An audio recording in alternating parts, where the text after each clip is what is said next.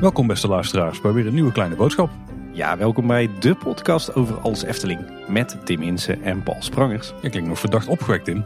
Ja, op zich ben ik eh, naar omstandigheden wel, eh, wel heel erg opgewekt, ja. Ja, want we hebben inmiddels te horen gekregen dat de Efteling toch wat langer gaat dicht blijven. Dat zat er wel aan te komen natuurlijk. Op zijn vroegste gaat het park eh, 16 maart open. En als dat gebeurt, dan eh, is het park eh, drie maanden dicht geweest.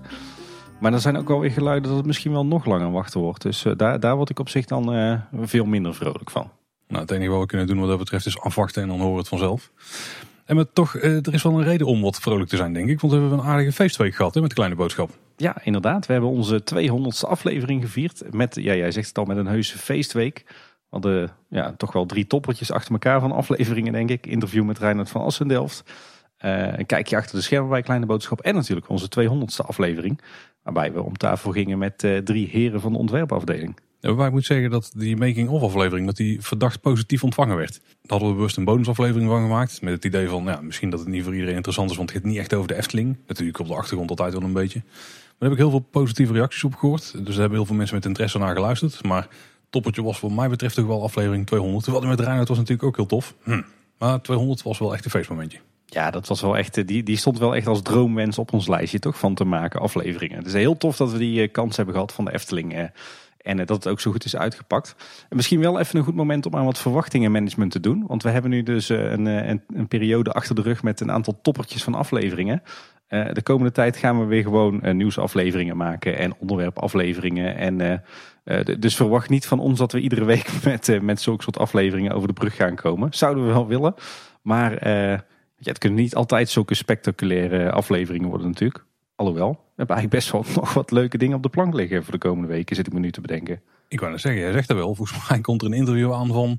misschien wel het langste interview wat we nu toe hebben gedaan. Nou ja, la- laten we in ieder geval de verwachtingen een klein beetje temperen. Eh, er zal vast ook wel eens een week tussen zitten eh, met een eh, minder spectaculair onderwerp. Ehm, maar ja, voordat we doorgaan met onze, onze eerste nieuwsaflevering in drie weken. want zo lang geleden is het alweer dat we een nieuwsaflevering hebben gemaakt.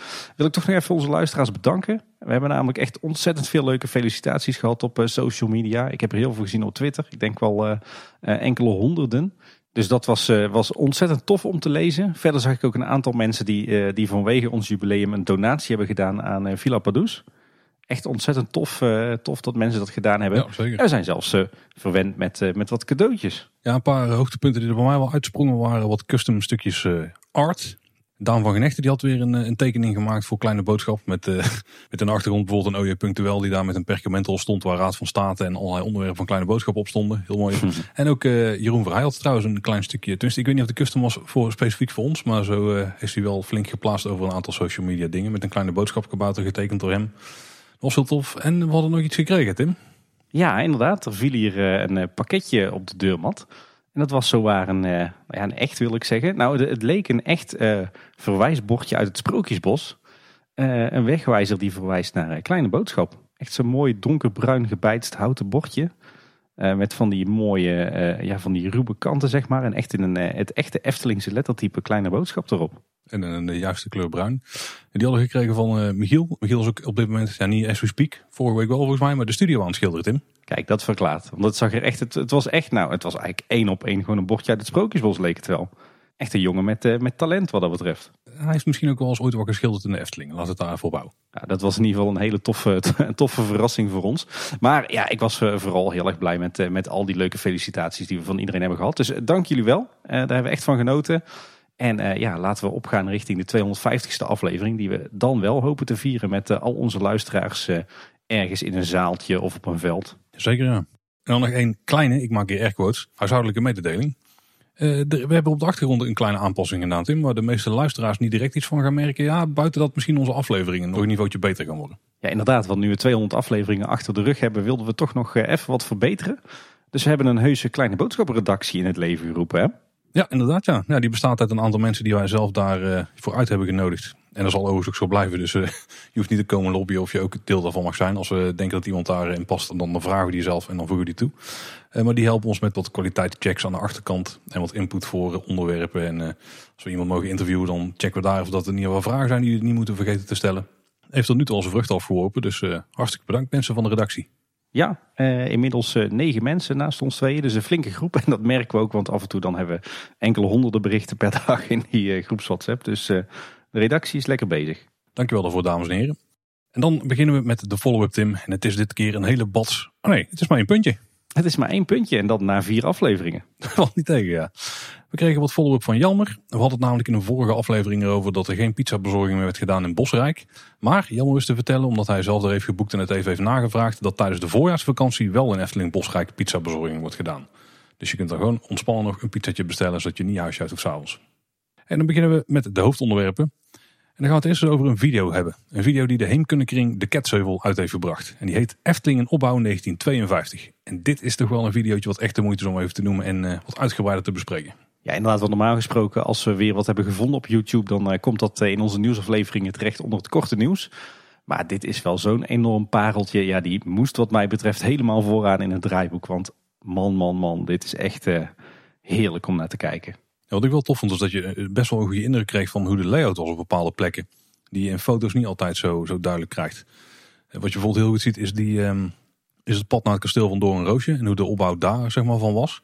En ik heb er wel eens een foto van gezien, maar ik kreeg er niet zo'n heel sterke indruk van hoe dat nou precies liep. Maar nu kun je eigenlijk best wel duidelijk zien hoe het daar eh, was ingericht op dat moment. Ja, sowieso echt enorm veel unieke beelden. Heel veel beelden van, uh, van de bouw van het Sprookjesbos. Zo zie je best wel veel van uh, de bouw van het, het kasteel van Doornroosje. Met trouwens ook een heel ander poortje daar naartoe dan dat we nu gewend zijn. Maar bijvoorbeeld ook de, de aanbouw van Langnek.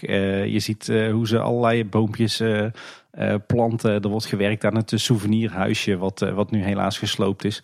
Wat ik heel tof vond, waren ook de, de beelden van de bouw van het Herautenplein. Ja, zeker. Ja echt eh, schitterend om te zien hoe dat, dat eh, in de jaren 50 eh, eraan toe ging in de Efteling. Toen hadden ze nog geen Henk Schelkes, viel mij wel op. Nee, ik heb nog goed zitten speuren, vooral bij het Routenplein, omdat ik weet dat daar die foto van mijn opa is genomen. Die Sneeuwwitje op de plek zet. Maar die kon ik helaas niet spotten. Ah, dat is dan weer jammer. Geen sprangers daar in beeld. Ja, nou, misschien dat Kees wel in beeld liep. dat zou nog kunnen. naast de bouw van het Sprookjesbos ook heel veel toffe beelden van eigenlijk het, het park op het moment dat het klaar was voor opening. Mooie beelden van de siertuin. We zien de kiosk van het Witte Paard, ook heel tof. Beelden van, van echt van die Eftelingse gastvrouwen uit de beginjaren.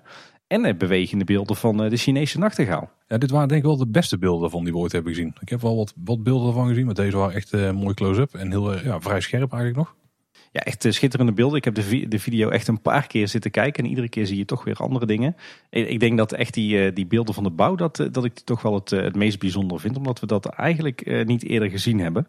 Buiten een paar fotootjes. Het zijn overigens beelden van fotograaf Korthout uit Kaatsheuvel. Um, die daar recent zijn opgedoken, denk ik, ergens op zijn zolder. Ja, ik weet ook niet waarom die dit nu pas tevoorschijn tovert eigenlijk. Ja, ja misschien dat. Ik weet, ik weet niet of hij nog leeft. Ik denk het niet, eh, gezien de ouderdom oh, van de video. Maar uh, misschien dat zijn erfgenamen te tegen zijn gekomen in zijn collectie. En uh, gedeeld hebben met de Heemkundekring. Nou, heel tof dat ze hebben gedaan. Ik zag ook wel wat mensen die hier ook op reageerden. Over Twitter ging het natuurlijk sowieso rond. Maar ook Sander de Bruin die had er iets over gepost. Die plaatste namelijk een opvallend detail op Instagram. Ja, inderdaad. Want als je goed kijkt naar de beelden, dan zie je dat er de Prinsenpoort, zeg maar de poort waar je doorheen loopt als je het Herautenplein verlaat dat daar eh, in dat filmpje nog raampjes in de torentjes zitten. In, eh, in de dakjes, zeg maar. En eh, die hebben de opening van het Sprookjesbos nooit gehaald. Die zijn tijdens de bouw al dichtgelegd. Dat zijn de details, hè? Ja, volop enthousiasme in, in de fanwereld hè, over deze video. En als je hem nog niet hebt gezien, ga hem zeker kijken. We zullen de link naar het filmpje zullen we natuurlijk in onze show notes opnemen. Die vind je op kleineboodschap.com bij de aflevering. Ja, ga dit zien, want dit is echt eye candy van de beste soort. Nou ja, van een heel tof inkijkje in de Efteling naar een heel, ja, een beetje jammerlijk inkijkje in de Efteling. Het heeft namelijk weer gesneeuwd. En flink dit keer. Want op zondag 6 februari, ja, toen begon de sneeuw eigenlijk te vallen. En het was een flink pak, Tim. Volgens mij de heftigste in tien jaar. Ja, de, de meest serieuze sneeuwval in tien jaar tijd. En omdat het eh, de week daarna uh, vroor, is het in totaal acht dagen lang uh, wit geweest. En behoorlijk serieus, want er lag hier een pak van nou, tussen de 15 en 20 centimeter. Ja, ja, ja, en waarom is het dan zo jammer? Omdat we zelf de Efteling niet mochten. Nee. En dus ook de sneeuwvalfoto's van de eerste dag moesten missen. Ja, dat was wel heel zuur. Ik, had, eh, ik denk dat wij anders uh, zeker te weten het park in waren geweest. Ondanks uh, dat pak sneeuw wat hier ligt. Ja, wel heel zuur hè, dat net als het dan eindelijk een keer zo heftig sneeuwt, dat dan de Efteling dicht is. Ik moet zeggen, wij hebben er wel flink van genomen. Het was ook wel een, een welkom cadeautje, zo midden in de lockdown. Wij zijn echt acht dagen lang iedere dag, als het maar even kon, lekker naar buiten om te sleeën, om te schaatsen. Ik heb de, mijn dochter ook iedere dag met de slee naar school gebracht. We hebben nog uh, bij de Roestelberg uh, gesleten alsof het uh, de Oostenrijkse Alpen waren. Dus, dat deed ook verder helemaal niemand het Kaatsheuvel. Nee, dat was maar een klein beetje druk. Het Spoorpark in Tilburg trouwens ook was ook wel heel vet om te sleeën. Maar dan was het ook over de koppen lopen. Nee, wij hebben er echt wel het beste van gemaakt. Dus aan de ene kant heel zuur dat de Efteling dicht was. Maar ja, aan de andere kant, we hebben er dan maar gewoon het, het beste van gemaakt. En het was denk ik eh, een van de leukste weken eh, in de lockdown eh, tot nu toe. Dus die sneeuw was heel welkom. Ik moet wel zeggen dat één ding erg opvallend was. En dat was dat de Efteling nogal laat was met foto's plaatsen van de sneeuw in het park. Op, een gegeven moment dacht ik zelfs van, er gaan helemaal geen foto's meer komen. Terwijl je van iedere andere dierentuin en ieder ander themapark foto's op Twitter langs zag komen. Maar de Efteling, daar bleef het heel erg stil. Ja, ik snap er daar ook echt geen zak van. Ik denk, ja, juist, ik bedoel, we zagen de sneeuw dagen van tevoren aankomen. Eh, op het moment hè, dat je in een lockdown zit en het park is al twee, drie maanden dicht, dan zorg je er toch juist voor dat je meteen eh, er bovenop zit op eh, social media en allerlei foto's en filmpjes deelt van je park onder een witte deken. Dat deden, heel veel andere parken wel, maar de Efteling inderdaad gek genoeg niet. Ik snap niet dat er niet uh, een communicatiemedewerker of een fotograaf die zondag meteen al het park in is geweest. Dat, daar kan ik niet bij. Nou ja, uiteindelijk zijn er wel foto's gekomen, voordat we die kregen waren er een hoop fans gelukkig die in ieder geval een poging deden om er iets van te maken. Want een aantal die hebben een rondje gelopen rondom het park, zoals de, zoals de heren van Eftelingse Straat. En ook Eftel Wesley, die linkjes zo even in de show notes zetten. Die kwamen eigenlijk op zondag al met foto's. Uh, Koen Bertens, vreemd genoeg, was het 1 februari uit dienst. 6 februari viel de sneeuw. Maar die heeft ook nog foto's geplaatst van de Efteling in de sneeuw. Volgens mij zag ik afgelopen donderdag een foto dat hij echt wegging. Dus hij heeft er nog bijna een maand bij gesmokkeld, denk ik. Dus dat zal dit in ieder geval verklaren. En uh, ik denk eigenlijk wel de beste serie foto's die we hebben gekregen, die kwam van een medewerker Rick, die we ook in de HR-aflevering hebben geïnterviewd. Ja, inderdaad. Die had een prachtige serie op, eh, op Twitter met uh, foto's uit een witte Efteling. Uh, daarna overigens ook nog heel wat andere medewerkers uh, van de Efteling die op uh, Twitter en LinkedIn onder andere uh, hele mooie sneeuwfoto's van het, het park deelden. Maar het duurde uiteindelijk tot, tot 10 februari, dus vier dagen later, voor de Efteling foto's ging posten op social media, op het eigen account. maar liefst vier foto's. Zo zo. Ja, het kon eraf. Met de tekst, een witte Efteling, het blijft bijzonder. dat had ook iets enthousiaster uh, mogen zijn wat mij betreft. Dit was meer zo van, oh ja, we moeten ook nog foto's plaatsen. misschien zijn de thuiswerkregels heel streng in Efteling. Er was er ja. niemand om een foto te maken. Nou ja, ik weet in ieder geval dat een heleboel parkmedewerkers echt hun best hebben gedaan om, om in plaats daarvan hele mooie foto's online te zetten. Smullen aan de ene kant, aan de andere kant voor ons natuurlijk wel heel zuur dat we er niet zelf rond konden wandelen. En een van de foto's die langskwam, daarop zagen we wel iets opvallends. Eh, bij Max en Moritz, die daar op de schoorsteen staan bij vrouw Boltes die hebben sjaals aan. Dus ook die hebben winterse Efteling aankleding. Ja, wat op zich wel verrassend was, want het was natuurlijk uh, half februari toen die foto werd geplaatst. Ik had verwacht dat ze inmiddels alle winter Efteling decoratie wel uh, hadden weggehaald. Ik weet ook eigenlijk niet zeker of dat ze de decoratie al hadden toen het park nog open was. Want er stonden er wel die uh, besneeuwde Max en Moritz. Ja, daar gaan we de, de volgende winter Efteling eens op letten. En wat overigens ook vrij bijzonder was, is dat we uiteindelijk nog een video hebben gekregen van de Efteling in de sneeuw. Die was gemaakt door I'm Fine Productions van Kelly Embrechts. Maar die was eigenlijk voor interne doeleinden, maar die staat gewoon openbaar op YouTube. Dus hoe dat precies zit, is me ook niet helemaal duidelijk. Maar wel mooie beelden. Iets wat ik trouwens wel grappig vond, is dat, uh, dat, er ook, uh, dat we ook een berichtje voorbij zagen komen dat uh, er volop werd gewerkt aan de gladheidsbestrijding in de Efteling. Volgens mij die, die zondag al. eigenlijk raar, want het park is dicht, dus waarom zou je de wegen sneeuwvrij maken? maar het grappige wel, was wel dat de Efteling sneller sneeuwvrij was dan zo'n beetje heel Kaatsheuvel. Want het duurde volgens mij een dag of twee voor, het, voor ze hier in het dorp langzaam maar zeker begonnen met gladheidsbestrijding. En dat was ook wel te merken, want uh, een paar dagen later zag ik dat uh, een van de besturingskasten van het wisselstrokensysteem op de Europalaan was aangereden. Waardoor uh, een aantal van die matrixborden defect waren. Niet heel, heel handig, maar die besturingskast die was helemaal uit de grond gereden. een dagje later hadden ze in ieder geval de, de kabels gefixt. Dus werkte alles weer op de Europalaan. Maar de besturingskast die hangt er nog wel kapot bij. Dus misschien toch de volgende keer een dagje sneller strooien en schuiven gemeente. Daar waren ze dit keer absoluut niet sneller, nee. Nee. Wel weer het voordeel dat we dus des te langer konden genieten van uh, echt een dik pak witte sneeuw. In plaats van die uh, modderige slushpuppy die je dan af en toe op de weg hebt liggen. Ik ben wel benieuwd wat we gaan terugzien als de Efteling straks weer open mag. Want op een aantal foto's zagen we ook dat er wat dingen waren gesneuveld in de Efteling. Ja, je herinnert ze waarschijnlijk wel de tijdelijke corona-meanderingen. Blijkt dat die niet helemaal bestand zijn tegen de sneeuw. Want zowel de tijdelijke meandering achter Carnaval Festival als de tijdelijke meandering bij Joris en de Draak die zijn allebei ingestort door de sneeuwval. Volgens mij heb ik zelfs ook foto's van Max en Moritz zien langskomen waar het ook niet heeft volgehouden. Ja, die, ik denk dat die zonneschermen die bovenop zijn, zijn geschroefd, dat die een beetje het probleem zijn. Die vangen natuurlijk veel sneeuw op. En dan... Die zijn funest geweest, ja. En Jeroen Vrij, we spraken hem natuurlijk vorige week. Die had ook een jolige bui, want die postte op Instagram een foto van, van een heleboel Eftelingvogels in zijn achtertuin. Die was een vogelopvang begonnen. Ja, we zullen het, uh, het linkje uh, naar die fotocollage ook maar even op uh, in onze show notes opnemen. Ja, dan wordt het toch tijd om op te gaan naar de lente. Hè? Het wordt nou heel warmer. Dit zijn een beetje de voor ons perfecte temperaturen, denk ik. Ja, ja, deze week was echt heerlijk. Ik geloof dat er 30 graden temperatuurverschil zat tussen, tussen deze week en de week ervoor. ik heb het deze week door de Loos Drunense Duinen gefietst met een zonnetje op een bolletje. En nou, wat was het? 20 graden? De gevoelstemperatuur wel, denk ik. Ja, ik, ik kreeg er echt dat, uh, dat gevoel van dat je vroeger had, hè, als de Efteling uh, nog, nog gesloten was in de winter en het park opende op Witte Donderdag. Het, later is dat 1 april geworden, maar, maar zeker in de jaren 90 was dat standaard Witte Donderdag. En als die dan laat viel in het jaar, Pasen, dan, dan had je zo'n paar weken voor de opening van de Efteling, dan begon het al zonnig en warm te worden. En dan kreeg je extreem veel zin in een dagje Efteling. En dan was het aan de ene kant zo zuur dat het park nog niet open ging, dat je moest wachten tot, tot Witte Donderdag. Aan de andere kant kwam je al helemaal in die stemming. Nou, dat, eh, dat gevoel dat eh, heb ik deze week ook wel een paar keer gehad. Ja, het was wel uh, lopen in een park rond weer. Ja. Laten we daar maar even gauw over ophouden. Zullen we eens gaan kijken naar de toekomst? Ja, inderdaad. Dan gaan we weer naar de raison d'être van onze podcast. Ja, want het stond al op de tekening van Daan, de Raad van State. Daar wordt natuurlijk weer een nieuwe opmars naartoe gemaakt. Want er moest een herstelbesluit plaatsvinden rondom het bestemmingsplan. Daar hebben we het al eerder over gehad. En 4 februari was de opinierende raadsvergadering. Eh, dus daar werd het, het plan een beetje uiteengezet. Tenminste, daar kon iedereen zijn mening geven over het plan. En een, beginnen met het vormen van een mening. En de gemeenteraad die was eh, toen al erg tevreden eigenlijk. Want de belangen van de Efteling en het dorp die zijn nu goed geborgd, zeggen En je kunt die eventueel terugkijken. Nou, als je die tijd wil weggooien, het linkje staat in de show notes. Ja, ja ik had mezelf voorgenomen om, om die vergadering terug te kijken denk altijd interessant wat er voor vragen worden gesteld en antwoorden worden gegeven. Uh, maar het bleek ongeveer een uur over uh, het herstelbesluit van Efteling te gaan. En nog wat dingetjes over de Europalaan en de, de. En uh, ja, het was hier zo hectisch weer de afgelopen week met thuiswerk en de kinderen. dat me dat niet gelukt is. Ik heb wel een paar plukjes van, van de vergadering gekeken.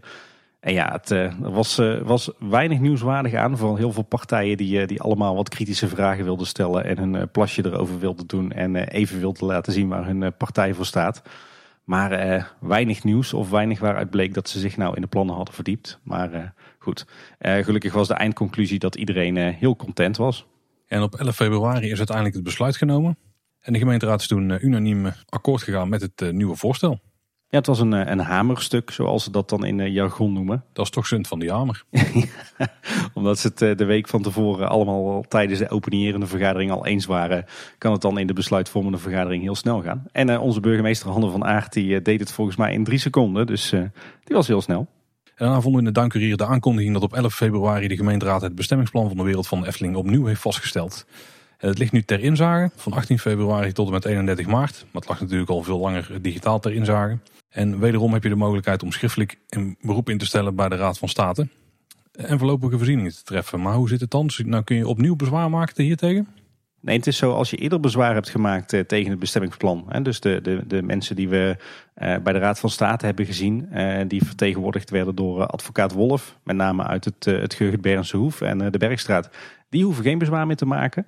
want er wordt geacht dat dat bezwaar ook tegen deze nieuwe versie gericht is alleen als er nu dingen aangepast zijn uh, in het herstelbesluit, waardoor dat jij vindt dat jouw belangen worden geschaad. Dus het gaat niet meer over alles wat we tot nu toe behandeld uh, hebben zien worden door bijvoorbeeld de Raad van State of de gemeenteraad. Maar dit nieuwe bestel, herstelbesluit, als daar nou uh, dingen in zitten waar, waarvan jij vindt dat jij benadeeld wordt, dan kan je daar beroep tegen aantekenen. Dus stel dat je, bent, dat je camperbezitter bent en je baalt ervan dat de camper plaats uit het plan is geschrapt, dan zou je bijvoorbeeld uh, bezwaar kunnen maken. Ik denk niet dat ik ga klagen. nee, ja, jij hebt je eigen camperplaats natuurlijk hè. Ja, daar, daar slaap ik dan niet als, als ik in Kaatsheuvel ben. Maar uh, het is even afwachten. Na 31 maart uh, zal er waarschijnlijk wel weer bericht volgen of er nog nieuwe bezwaren zijn ingediend of niet. En dan volgt de allerlaatste behandeling bij de Raad van State. Zouden de bezwaarmakers, ik ga er absoluut niet vanuit dat ze het gaan doen, maar zouden die er nu meteen mee akkoord kunnen gaan ook? Dat ze zich terugtrekken? Zal in de praktijk niet gebeuren, maar... Nee, ik denk, ik denk dat ze toch nog steeds wel bezwaren zullen hebben. De Efteling eh, en de gemeente hebben wel heel erg hun best gedaan om, eh, om al die bezwaren die er waren weg te nemen en alle foutjes te herstellen. Maar ja, er, er is altijd nog wel wat eh, te mopperen, denk ik. Ik bedoel, het zijn allemaal compromissen. En ja, eh, ik denk eerlijk gezegd dat ze nog steeds wel wat bezwaren zullen hebben. Maar goed, het is uiteindelijk aan de Raad van State om een, eh, een eindoordeel te vellen. Of eh, het bestemmingsplan inderdaad afdoende gerepareerd is naar aanleiding van, van hun opmerkingen. Hè. Daar, daar gaat het vooral om. Het gaat niet zozeer om die bezwaarmakers, maar om wat de Raad van State vindt. En even goed om mee te delen. We hebben het de vorige keer gehad over het ontwerpbestemmingsplan voor Bernshoef 1. Waar ze tien van die vakantieunits en een kleine camping willen gaan realiseren. Daar is nog geen besluit over genomen. Want het was geen raadsvoorstel, maar dat was nog een raadsinformatiebrief. Ja, we kregen inderdaad eh, de vraag van een aantal luisteraars van hoe zit het daarmee. Maar eh, daar is de Raad dus alleen over eh, geïnformeerd en daar hoeven ze nog niks, nog niks van te vinden. En dan een hele korte Speelbos Nest update. Is dat hoe we het moeten gaan noemen? Speelbos Nest. Gewoon altijd bij volle naam. Ja, Nest mag ook nog hè? of Nest. Ja, dat is makkelijker. En ook gewoon subtiel hè? Ja, inderdaad. Ik, ik heb zoveel commentaar gehad naar mijn eh, vorige uitspraak dat ik het gewoon bij Nest houd. Heel bescheiden. Nou, we krijgen er in ieder geval heel weinig van mee. Eh, we hebben het geluk gehad dat de Esselingse straat eh, mannen nog een keer zijn rond gaan vliegen met een drone. Netjes buiten de parkgrenzen natuurlijk. Daar kunnen we bij Nest zien dat dat vlonderpad bijvoorbeeld voor een heel eind al eh, staat. Ja, verder viel mij nog op dat er zeg maar een beetje rechts naast het, het speelbos... dat er nu een nieuw slingerpaadje is aangelegd in het groen. Ligt een beetje achter de Game Gallery. Misschien dat dat een, een dienstpad wordt of zo, of een nooduitgang. Ja, ik denk dat het wel iets van een attractieachtig iets wordt, want dat zie je ook duidelijk in de tekeningen. En het is wel een heel vreemd slingerpaadje als dit een dienstpad wordt, want zo inefficiënt hebben mensen hier nooit, nog nooit achter de schermen boven dan, denk ik. want het is, eigenlijk- het grof gezegd een beetje een B-vorm die je daar ziet. Of, of een C, zou ik het ook noemen. Maar jij, denk, jij zegt attractie, wat denk je dat het wordt dan? Ja, misschien een soort blote voetenpadje of zo. Ik heb geen idee. Nou, wie Het weet. zou heel bijzonder zijn om dat in een attractiepark te hebben, denk ik. Maar Nou, dat zeg jij, maar eh, bij de Valkenier in Valkenburg hebben ze ook een blote voetenpad. Dat is wel een mooie vergelijking met de Efteling. Ja. Komen bij Ja, net zoveel mensen. Ja, ik geloof dat zij permanent willen stoppen. Dus laten we hopen dat, eh, dat Lot de Efteling niet eh, beschoren is. Oeh, nee, laten we daar dat niet open. Wat we overigens ook kunnen zien is eh, wat er met Polka Marina op dit moment gebeurt. Ik denk dat het op dit moment al is dichtgestraat. Want ze hebben op de foto's van Eftelingse straat, die zijn inmiddels al ruim twee weken oud. Ik begrijp dat de droomfotograaf op vakantie is op dit moment. dus hopelijk Ja. binnenkort nieuwe foto's. Maar op die foto's van twee weken geleden kun je in ieder geval zien dat ze het al mooi vlak hebben gemaakt. Waar Polka Marina lag. En daar zullen ze inmiddels denk ik al wel een partij eh, tegels in geknikkerd hebben. Dus ik denk dat we daar nu een nieuw plein hebben. Ja, inderdaad. Ik kan me niet anders voorstellen dan dat ze dat eh, inmiddels dichtgestraat hebben. Wat mij wel opviel is dat ze die, eh, dat die bloembakken die rond Polka Marina lagen en die die, die cirkelvorm volgden, dat die gehandhaafd blijven. Ja, dat klinkt logisch als je er een terras van wil maken. Dus dan is dat een soort intuïtieve scheiding tussen het terras en de looppaden. Dus we krijgen ook een, een rond terras dan. Daar ga ik van uit, ja. Dat kunnen ze best gebruiken in de zomer daar. Een eh, mooie, mooie reliquie van eh Polka Marina. De plantenbakken. Ja, misschien proberen ze ook al een beetje die ruimte vrij te maken die aan de noordkant van station de Oost zit. Want dat is toch wat mij betreft echt wel een beoogde plek waar we straks de sporen over moeten gaan. Ja, dat is eh, de doorgang naar de uitbreiding van het, het Ruigrijk. wanneer die ooit gaat komen. Ja, wel pas de latere fase natuurlijk. Dus misschien is het al heel erg ver op de feiten vooruit lopen. Maar toch, Fase 2 strookrijk, hè, weten we uit eh, de plannen. Eh, Weet je wat mij trouwens nog opviel, eh, zat ik me te bedenken? moet ik gaan raden of... Nee, nee, het was een Oh. retorische vraag. Ehm, de, de vorige keer hebben we het nieuws gemeld over het Verwende Nest. De, het nieuwe horecapunt dat we gaan zien in het speelbos. Maar ik bedenk me nu, ik vind het wel een hele negatieve naamkeuze. Als je kijkt naar de historie van de Efteling, heb je ook in 1995 de laatste gerij gehad. Eh, de, de, de originele naam van de winkel Efteldingen. Die hebben ze toen eh, na, eh, na een paar maanden gewijzigd in Efteldingen, omdat het zo'n negatieve bijklank had. Maar om nou een horecapunt in een speelbos het verwende nest te noemen, heeft ook een beetje een negatieve bijklank. Hè? Als dat lijkt te verwijzen naar de koters die in die speeltuin eh, ronddrentelen. Misschien was toch de kurkentrekker gewoon beter geweest. Ja, ja het, het verbaasde mij, omdat ze, eh, ze, zijn zo extreem voorzichtig met alles wat ze communiceren over, eh over speelbosnest. Hè. Het, is, het is allemaal inclusief en voor iedereen. En het is, eh, ja, iedereen moet er, moet er welkom zijn. En vervolgens dan noem je je horecapunt het verwende nest. Ja, en dan de werkzaamheden aan het Efteling Hotel. Daar worden de comfortkamers natuurlijk omgebouwd. Voordat we over gaan hebben wat er allemaal is gebeurd. Daar hebben we foto's van gezien. Ik maak weer airquotes. Maar dat bleken niet echt foto's te zijn? Nee, dat dachten wij inderdaad. Die, die foto's van de Efteling website en volgens mij ook van de blog. Eh, maar dat blijken renders te zijn van een 3D model. Ik Ik vond ze er ook al ontzettend steriel uitzien. Ja, was heel goed gepoetst bedoel je? Uh, extreem goed gepoetst en extreem goed ook al de gordijnen gestreken en zo. Dus we moeten nog steeds die kamers in het echt gaan zien voordat we erover mogen oordelen. Want de renders zijn waarschijnlijk iets meer opgepoetst en geven toch een ander sfeertje dan het taak in het echt gaat zijn. Ja, ja, ik ben heel erg benieuwd naar het eh, resultaat. Er wordt in ieder geval nog steeds hard gewerkt. Moet ook wel, want eh, de opleverdatum was volgens mij 8 maart. Dus dat is over, eh, over anderhalve week. Uh, alhoewel ze volgens mij nu ook best een paar weekjes kunnen uitlopen. gezien de, het feit dat het park nog wel even gesloten blijft. maar wat mij opviel is dat inmiddels naast de installateurs ook de interieurbouwer volgas begonnen is. Ik zag dat zij ook werken met een, een verrijker. Eentje die zelfs helemaal tot, tot de allerbovenste verdieping van het hotel kan komen. De achtste verdieping. Uh, zo, uh, zo, schuiven zij de, de pakketjes met, uh, waarschijnlijk met het meubilair en dergelijke naar binnen. En dan hoeft dat niet allemaal via de lift.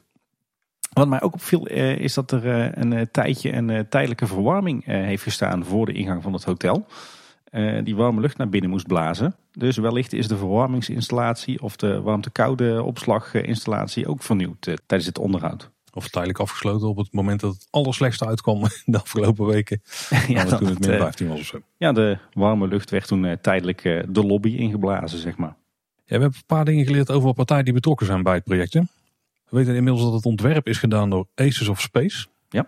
En die doen al meer uh, grote projecten voor bedrijven en volgens mij ook gewoon voor woningbouw en zo, maar vooral wat grotere projecten. Ja, en het bouwmanagement wordt uitgevoerd door een bureau dat Bulsink heet. Dat verbaast mij wel, aangezien de Efteling natuurlijk zelf een, uh, een grote afdeling projecten heeft met allerlei projectleiders en dergelijke. Maar uh, ja, aan de andere kant kan ik me ook voorstellen dat uh, het ombouwen van 100 hotelkamers in, in een maand of twee tijd, dat het een enorme logistieke uitdaging is. En die club die heeft daar in ieder geval enorm veel ervaring mee. Dus die zullen dat wel doen samen met de afdeling projecten van de Efteling. En misschien een beetje vreemd getimed, maar er stond ook een nieuw artikel op het Efteling blog over de roodkapjessuite. Niet echt het moment dat je denkt van die gaan we eens aanprijzen. Nee, inderdaad. Ik dacht eerst van, hey, is, wordt deze ook meegenomen in het, uh, het uh, onderhoud van, uh, van het hotel? Maar dat was niet zo. Het is gewoon een, ja, een, een van de vele themakamers die ze ineens besloten aan te prijzen. Ik zag trouwens ook wat foto's voorbij komen van het, het Plopsa Hotel in Plopsaland de Pannen. Ik hoorde zelfs van mensen die er wat vergelijkingen trokken met het Efteling Hotel. Nou, ik vond het er, tenminste wat we aan de buitenkant hebben gezien, beetje kitscherig. Maar wel ontzettend mooi, mooi gethematiseerd. Als je dat dan naast, uh, naast de verschillende hotels van de Efteling legt, uh, met name de buitenzijde, dan is het toch wel een hele andere koek dan, uh, dan de hotels die we in de Efteling hebben. Ja, ik vond het wel iets te cartoony op plekken. Ja, dat er dan van ja. die standbeelden zijn verwerkt van die plopsa figuren. Maar ja, daar ontkom je misschien niet aan in zo'n park als dat. Van de binnenkant wel, altijd wel een heel chic sfeertje. Ja. ja, ik denk eerlijk gezegd als de Efteling nu in 2021 een nieuw hotel zou bouwen...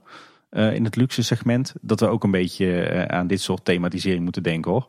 Natuurlijk stijlvoller en niet zo cartoony en kitscheriger als het uh, Plopsa Hotel. Maar ik denk wel dit, uh, dit afwerkingsniveau en deze mate van thema. Ik denk dat ze niet meer snel een uh, zo'n half utilitair hotelgebouw zouden neerzetten als het Efteling Hotel nu is aan de buitenkant. Ja, het Loonse Land is ook redelijk strak en, en ja, simpel. Er zitten wel mooie details in aan de buitenkant.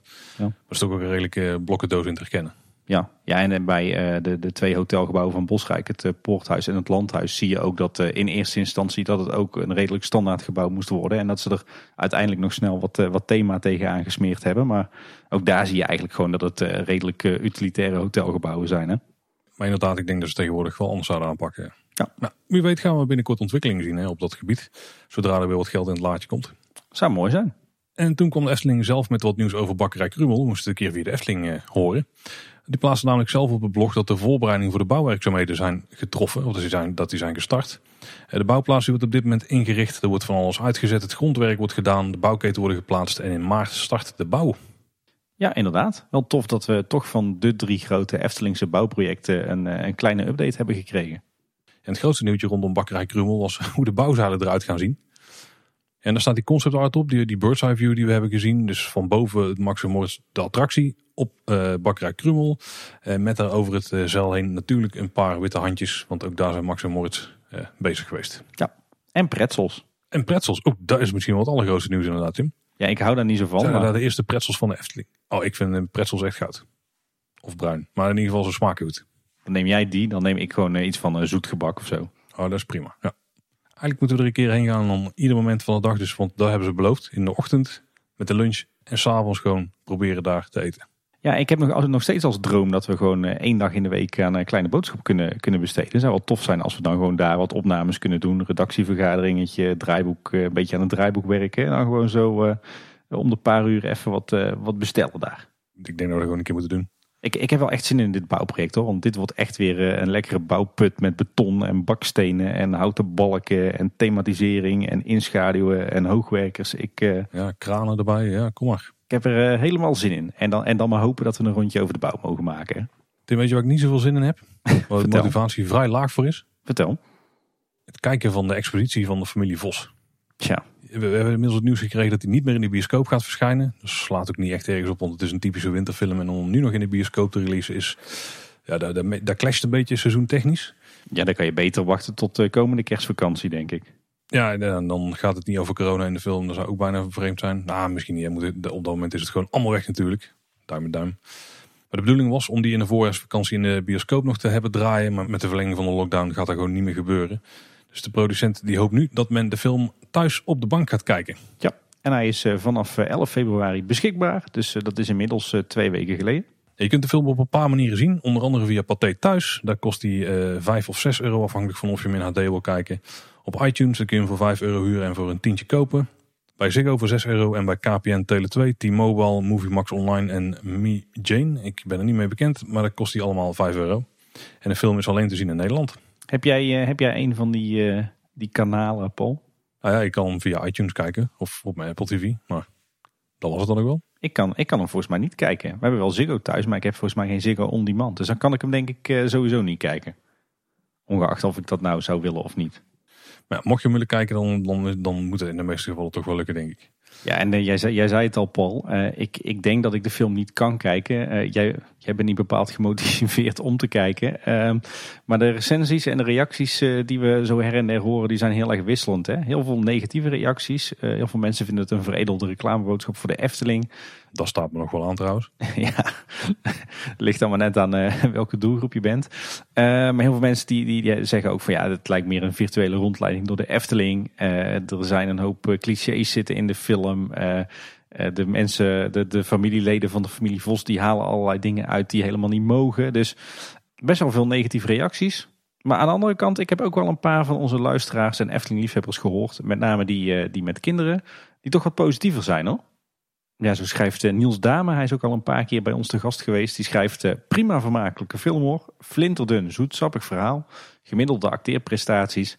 Maar de beelden zijn echt prachtig. Ja, en dat valt eigenlijk mooi samen wat we uh, van heel veel Efteling-liefhebbers met, uh, met kinderen horen. Ga vooral kijken als je Efteling-liefhebber bent en je hebt kids. Uh, dan zeker.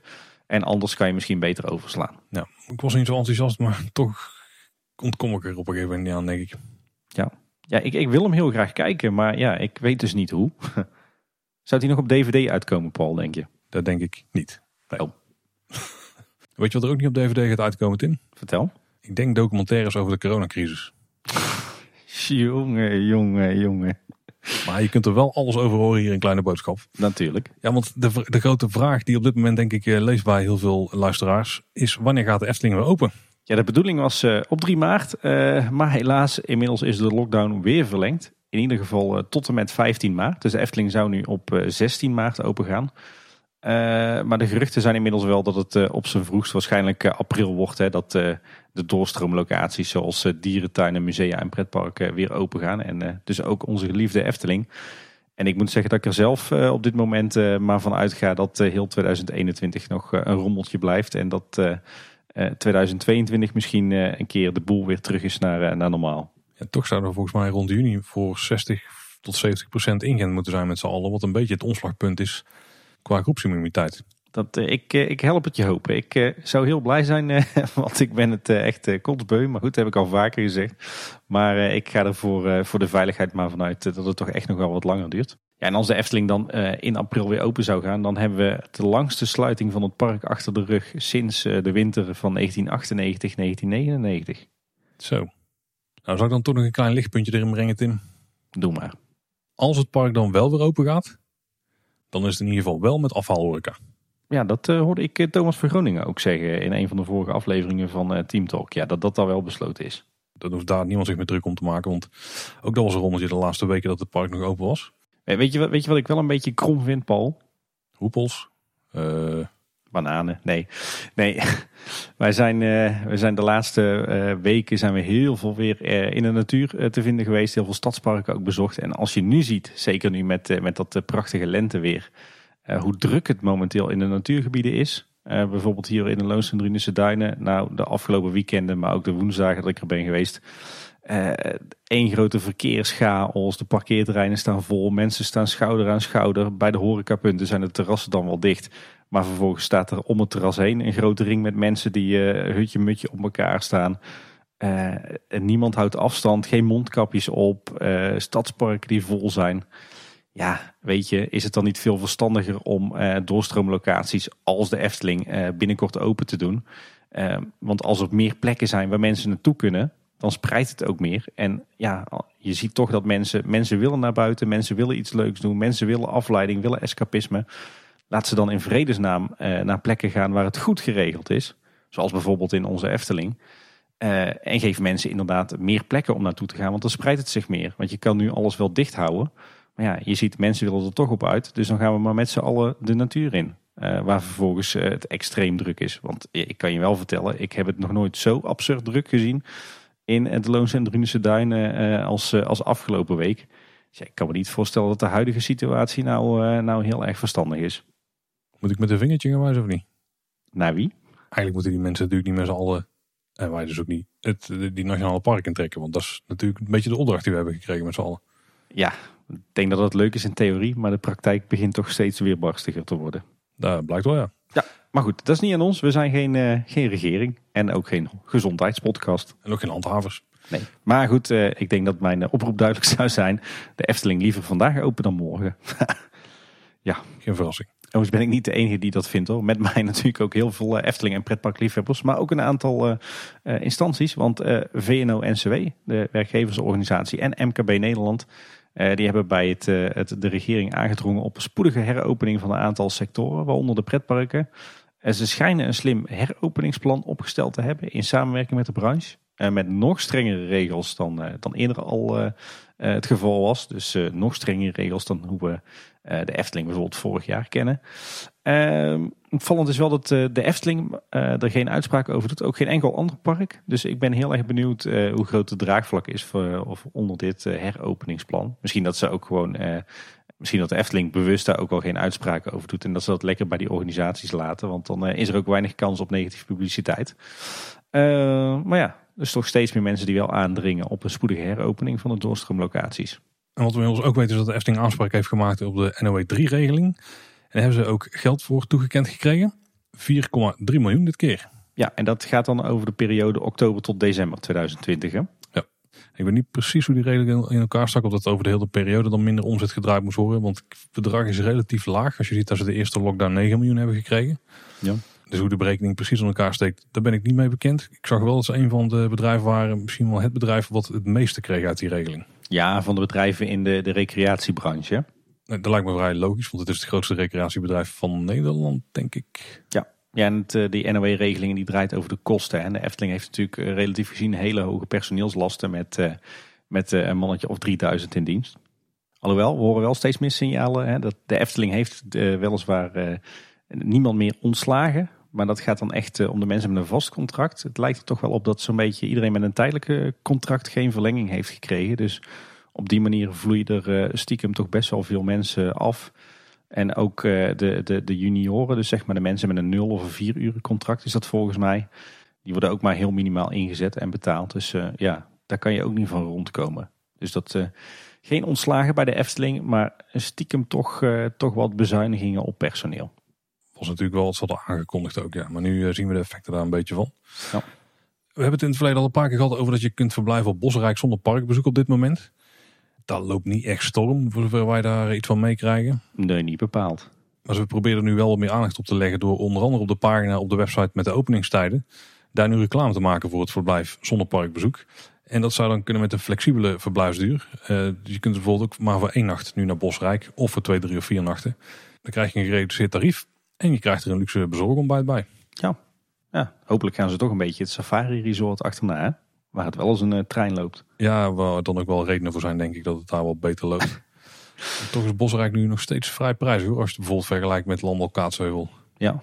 Waar je overigens niet kunt verblijven is het Loonse Land, want die is nu echt fysiek afgesloten. Ja, de vorige keer berichten we ook wel dat de Efteling eh, bij de mensen die in uh, Kaatsheuvel wonen en eh, ook bij de liefhebbers er wel op aandrong om niet op de vakantieparken te gaan rondlopen. omdat ze ja, op dit moment slecht een beeld kunnen vormen wie daar nou wel en niet thuis hoort. En omdat er ook heel veel afval achterbleef. Nou, het blijkt, want ze hebben het nu echt hermetisch afgesloten met, met dranghekken en rood-witte linten. Ik vind het eigenlijk wel een gemiste kans, weet je dat? Ik heb met, met bewondering zitten kijken naar wat Toverland momenteel doet. Eh, ik weet niet of je dat hebt meegekregen, maar zij hebben een arrangement bedacht waarmee je verschillende wandelingen kunt maken door de bossen daar in de buurt. Uh, en als je dat arrangement neemt of koopt, dan uh, mag je ook eten en drinken gaan halen bij hun tovertruck. Of tovertruck, ik weet niet hoe ik het moet uitspreken.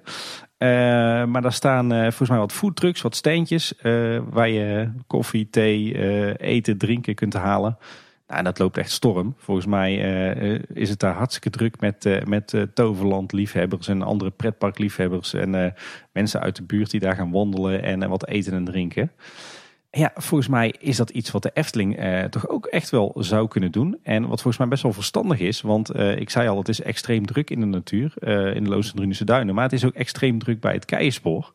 Want die paar keer dat ik de afgelopen dagen rond de Efteling fietste viel me op dat er extreem veel auto's langs de Horst geparkeerd stonden. Het uh, deed me zelfs weer denken aan uh, de zomeravonden uh, dat er nog geparkeerd werd op de Horst. Ik weet niet of je dat kan herinneren. Dat zal zo begin jaren 2000 zijn geweest. Als er dan echt geen parkeerplek meer was bij de hoofdentree, dan werden er auto's op de Horst geparkeerd. Ik weet nog wel, als ik dan aan het werk was, dan werd er geroepen, ze gaan naar de Horst. En dan wist je, dit wordt een hele gezellige zomeravond. Nou ja, zo zag het er de afgelopen weken ook uit. Dus Heel veel wandelaars op het Keienspoor. Nou ja, wat is er nou mooier als je halverwege het Keienspoor op het vakantiepark Loonse Land een paar kraampjes neerzet waar je koffie en thee en gebak verkoopt, uh, lunches. Uh, je deelt uh, een stempelkaart uit of zo, of een afvinklijst van alle keien. dat is toch hartstikke leuk. Ik denk dat je, dat je daar als Efteling aardig wat horeca en merchandise kunt omzetten hoor, als het, als mee zit. Ik kan me een hoop dingen voorstellen die nog mooier zijn. Bijvoorbeeld dat er geen corona meer is of zo. Maar ik kan me iets voorstellen wat minder mooi is. En dat is namelijk de in potentie enorme load aan negatieve publiciteit die je met zoiets krijgt. Want je zegt net zelf, het is al druk daar. Ja. Als we zoiets kunnen doen, wordt het waarschijnlijk nog veel drukker. En waar komen dan honderden foto's van op social media met allemaal grote drommen mensen. Ja, en een, een, een foodtruck van de Efteling. Ik denk dat dat iets is wat ze liever niet hebben. Ja, daar zit wel wat in. Ja, Toverland heeft volgens mij tot nu toe vooral heel veel positieve publiciteit uh, rond hun initiatief. Maar goed, de Efteling uh, staat, stond de afgelopen maanden inderdaad wel vaak uh, in de schijnwerpers als het ging om corona. Dus ja, dat is de keerzijde. Dus toch de grote jongen dan, hè, waar even de schijnwerpers op worden gezet. Ja. Jammer, jammer, want ik denk dat het echt wel potentie zou kunnen hebben hoor. Maar goed. Ja, blijkbaar uh, maken ze er ook wel een soortje van al die mensen die komen op het Loonse Land. Want er is een nieuwe samenwerking tussen de Efteling en Natuurmonumenten. En daarbij ruimt de Milieudienst zwerfafval op in een natuurgebied in de buurt van de Efteling. Ja, inderdaad. Dat is wel even belangrijk om te melden. Eh, dat doen ze dus niet op het terrein van de Efteling, want dat doen ze altijd al. Logisch, ja. Maar ze vrijwilligen nu ook eh, voor natuurmonumenten. Eén eh, keer per week dan gaan er drie ploegen van de Milieudienst op pad. En uh, waar rapen ze nou zwerfvuil? rond de ijsbaan. Een begrip hier in Kaatsheuvel en omstreken. Op de mountainbike route van de Loons en Drunense Duinen. En ook op een deel van landgoed Huis Heide. Dat grenst aan de Spinder, de grote vuilstort ten noorden van Tilburg. Dat zijn schijnbaar de drie, ja, drie meest vervuilde plekken. En daar helpen ze natuurmonumenten met, met zwerfvuilruimen. Nou, en dat is dan weer een stukje positieve PR die ze heel goed doen. Ja, ze doen dat trouwens gewoon in hun Efteling kleding. Dat levert schijnbaar heel veel bekijks op van voorbijgangers die het allemaal erg positief vinden. En uh, ik heb ook al in verschillende kranten en verschillende media heb ik berichten gezien. Dus dat doen ze wel heel slim. Uh, ik denk dat dit trouwens ook weer een initiatief is van, uh, van Wieke Smit. De manager bestuurlijke zaken van de Efteling. Die heeft natuurlijk jarenlang voor natuurmonumenten gewerkt. En we weten inmiddels dat die band tussen de Efteling en de natuurmonumenten heel warm is. Dus ik kan me zomaar voorstellen dat dat initiatief hier vandaan komt. Maar langzaam zeker een hoop mooie samenwerkingen. Hè? Nu dus met natuurmonumenten. Maar we zagen eerder ook al mensen van de entree die voor een organisatie met verkeersregelaars werkten. En natuurlijk een tachtigtal medewerkers die inmiddels tijdelijk in de zorg werken. Er gebeuren ook goede dingen rondom de Efteling inderdaad. Ja. Je zult dus weer gaan hebben over de Efteling tickets en de geldigheid daarvan. Daar is in het verleden wat gedoe over geweest. Maar ook bij Radar, het programma van Avrotros, daar is het nu ter sprake gekomen. Want die hebben contact opgenomen met de Efteling naar aanleiding van de vele klachten over de geldigheid van de eerder gekochte tickets. In eerste instantie was namelijk de bedoeling dat die geldigheid zou verlengd worden tot met 28 maart. Er blijft in ieder geval nu een periode over die in het slechtste geval niet heel lang is waarin je tickets nog kan gebruiken. Dus er is al besloten om die datum verder te gaan verlengen. Maar tot wanneer, dat is nog niet bekend. En dus ook, want het is gewoon nog niet bekend wanneer het park weer open mag. Dus dat wordt later besloten. Maar voor de tickets van Kruidvat en Albert Heijn, daar blijven andere voorwaarden gelden. En geld teruggeven is daarbij geen optie wat betreft de geldigheid van de Albert Heijn en Kruidvat tickets. Ik kan me voorstellen dat er misschien ook in overleg moet met die uh, winkelketens. Ja. En dat Albert Heijn op een gegeven moment ook heeft gezegd van ja, is leuk al die, uh, die geldigheid van die tickets. Maar die gaan we gewoon niet verlengen. Want we willen dat mensen gaan sparen voor nieuwe tickets. Die ze dit jaar weer kunnen inzetten. Dus misschien dat het niet alleen de Efteling is die daar een beetje een starre houding in heeft. Ja, nee, en ik denk dat, uh, dat partijen als Albert Heijn en Kruidvat ook een bepaalde financieel, financiële rol hebben in dit verhaal. Hè? we kunnen niet in de boeken kijken, maar daar zou ook niet gek van staan te kijken. Nee ik denk dat die ook wel een uh, kleine bijdrage doen.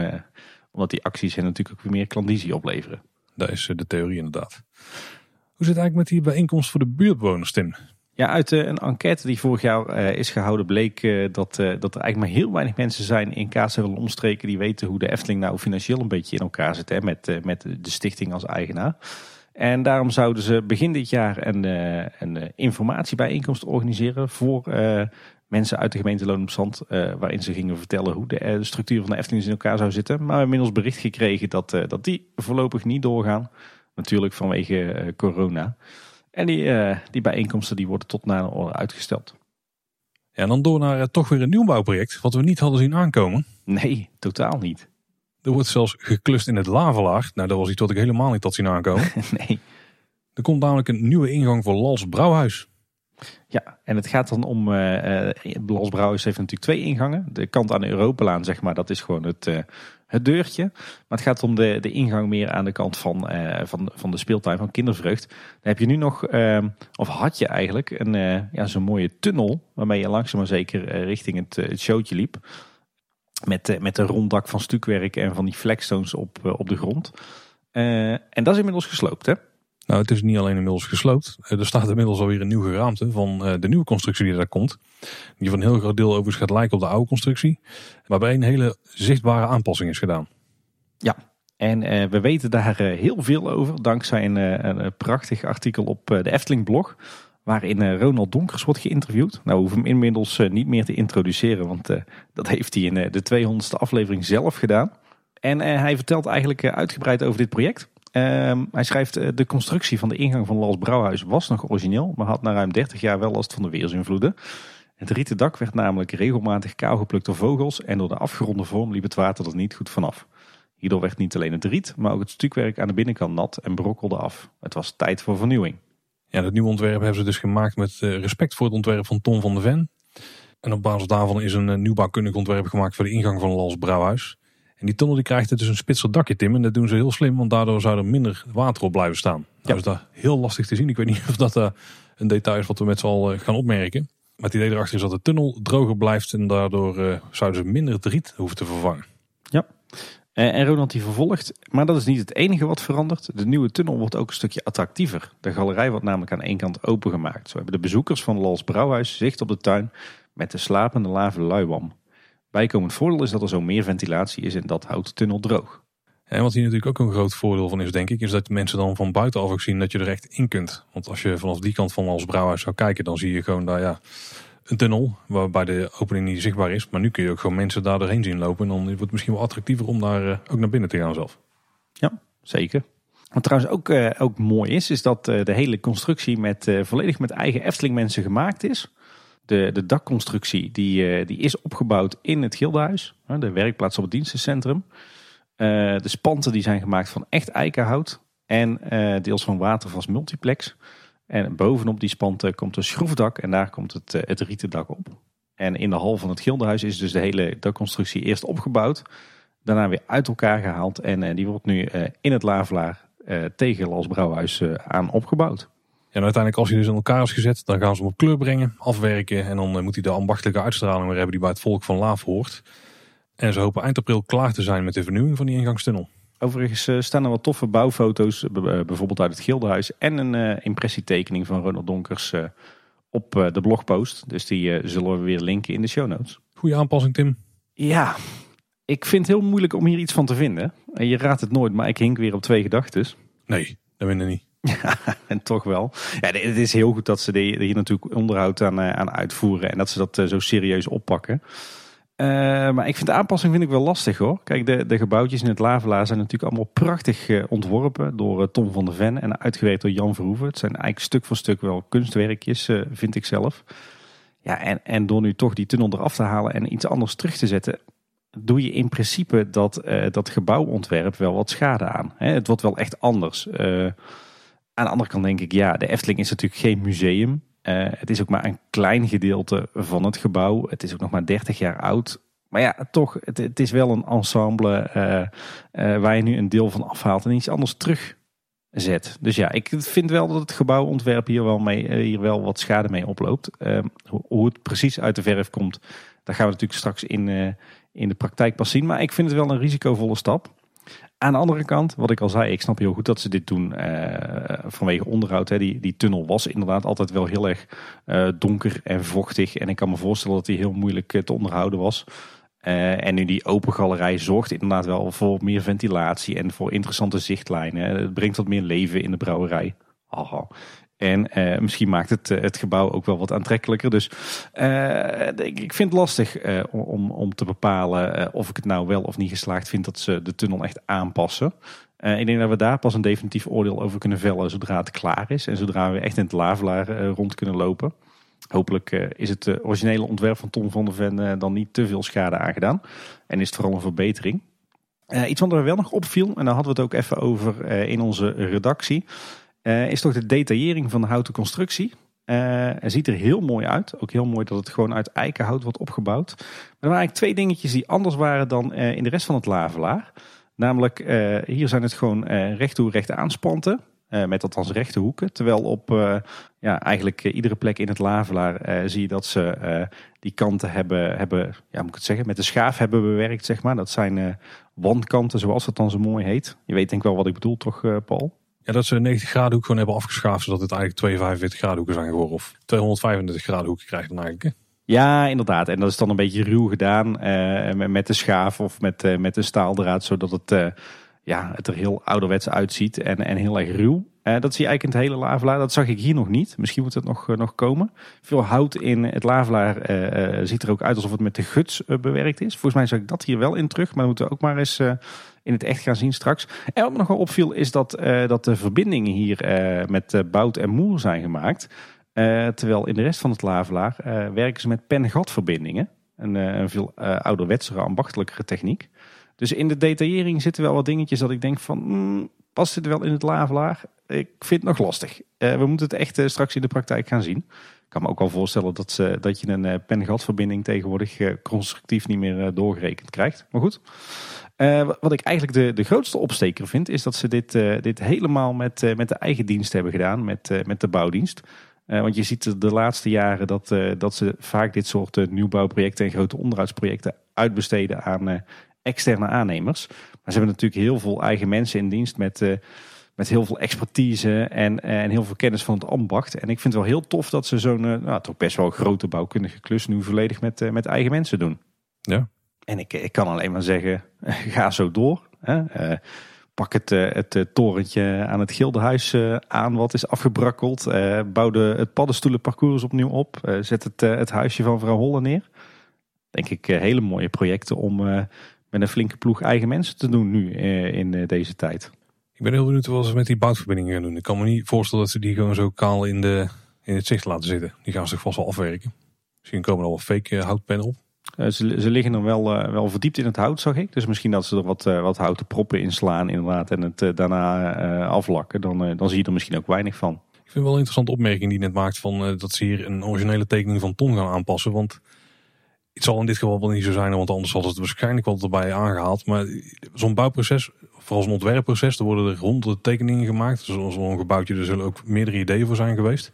Misschien was dit wel een van de ideeën die Tom ooit op papier heeft gezet, maar die toen om redenen die wij verder niet weten is uitgevoerd. Dus ik vind het altijd zo eng om vast te houden aan de laatste tekening of de, wat er uiteindelijk is uitgevoerd op papier, terwijl dat misschien niet eens was hoe ze dat willen doen. Stel ze gaan de scène en droomvlucht opnieuw inrichten en ze zetten daar een paar coole animatronics in. Misschien had Tom het wel zo bedacht, alleen is het nooit zo uitgevoerd in het begin. Ja. Ja, is het dan niet goed, minder goed? We kennen het niet op die manier, dus dan is het anders. Maar misschien is het juist wel in de geest van het originele ontwerp. Dat, dat, is inderdaad, eh, dat is inderdaad een lastige kwestie. Ja, daarvoor moet je inderdaad meer weten over het originele ontwerp. Dat klopt.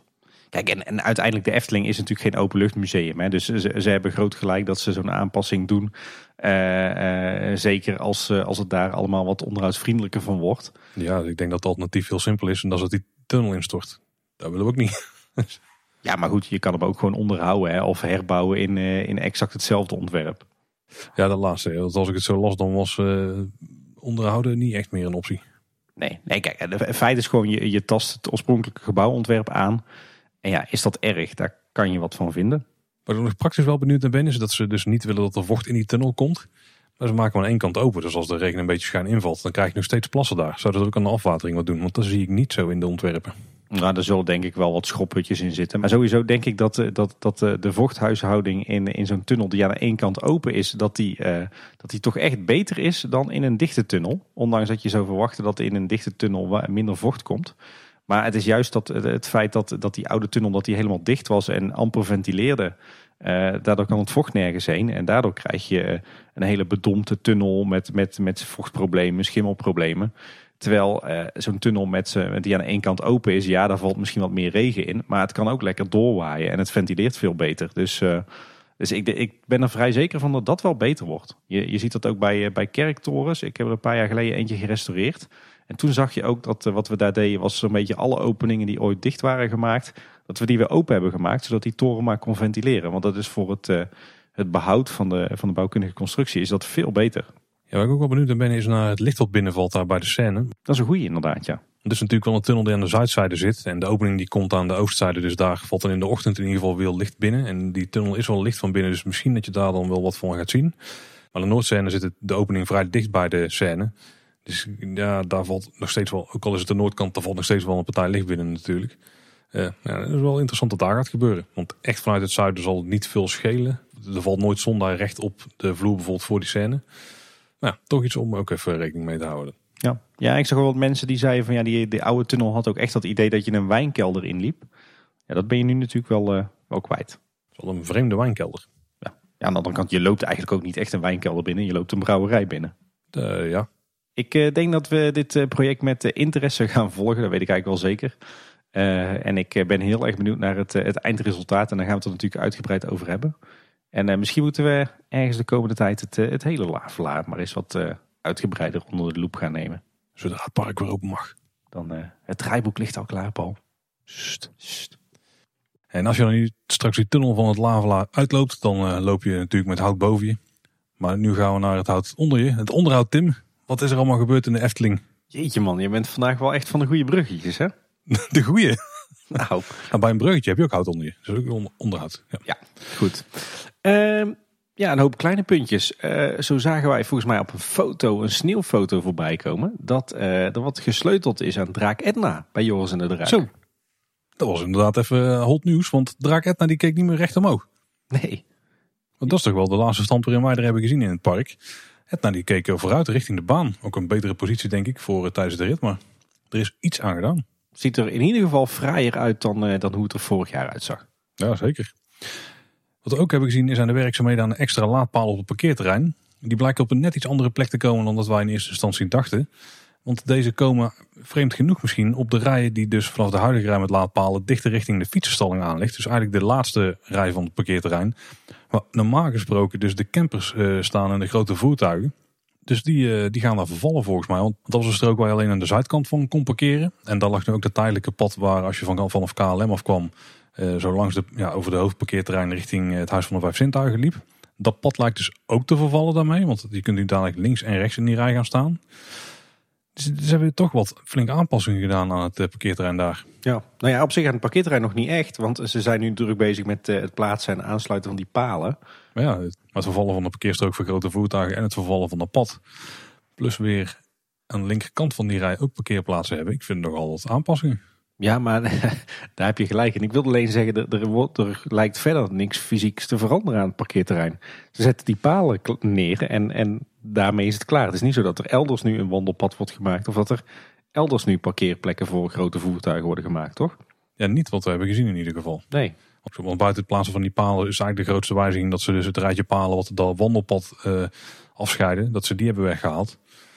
Maar die zijn inderdaad nergens anders teruggeplaatst nog voorlopig. Nee, heel raar. Dat, dat pad heb je wel echt nodig. Misschien dat die dan op een andere plek komt. Maar eh, met name raar dat ze, dat ze die parkeerplaats voor grote voertuigen hebben opgedoekt. Want die had je toch juist de laatste jaren heel vaak nodig. Aangezien de, de reguliere parkeervakken eigenlijk uh, wat te kort zijn voor hedendaagse auto's. Ja, ik kan me ook niet voorstellen dat ze dan bijvoorbeeld naar KLM gaan leiden of zo. Nee. Ja. ja misschien, misschien als ze het zo gaan doen. Dat uh, je hebt het pad wat ze nu gebruiken om uit te rijden van KLM. Dus daar ligt dan weer ja, links, ja, hoe moet je het zeggen? Dat ligt dan weer ten noorden van uh, de huidige laadpalerij.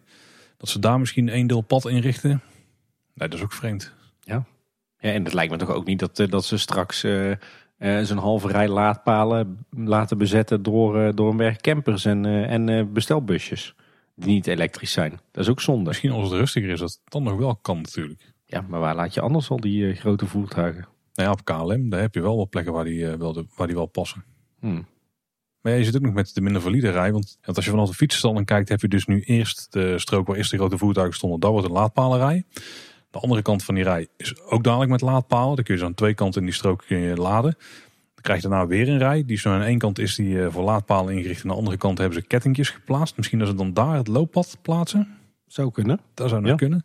En het pad daarna is dan eh, de minder valide parkeerrijen. Maar dat is ook de uitrijstrook voor uh, eh, KLM. En misschien dat ze daar dan de grote voertuigen in de lengte gaan laten neerzetten op de rustigere dagen. En als het druk wordt, dat ze dan naar KLM verhuizen. Zoiets ook kunnen natuurlijk. Dat zou inderdaad ook kunnen. Ze kunnen natuurlijk gewoon uh, om het even welke rij op parkeerterrein uh, reserveren voor lange voertuigen. En daar is inderdaad gewoon laten langs parkeren in plaats van dwars parkeren.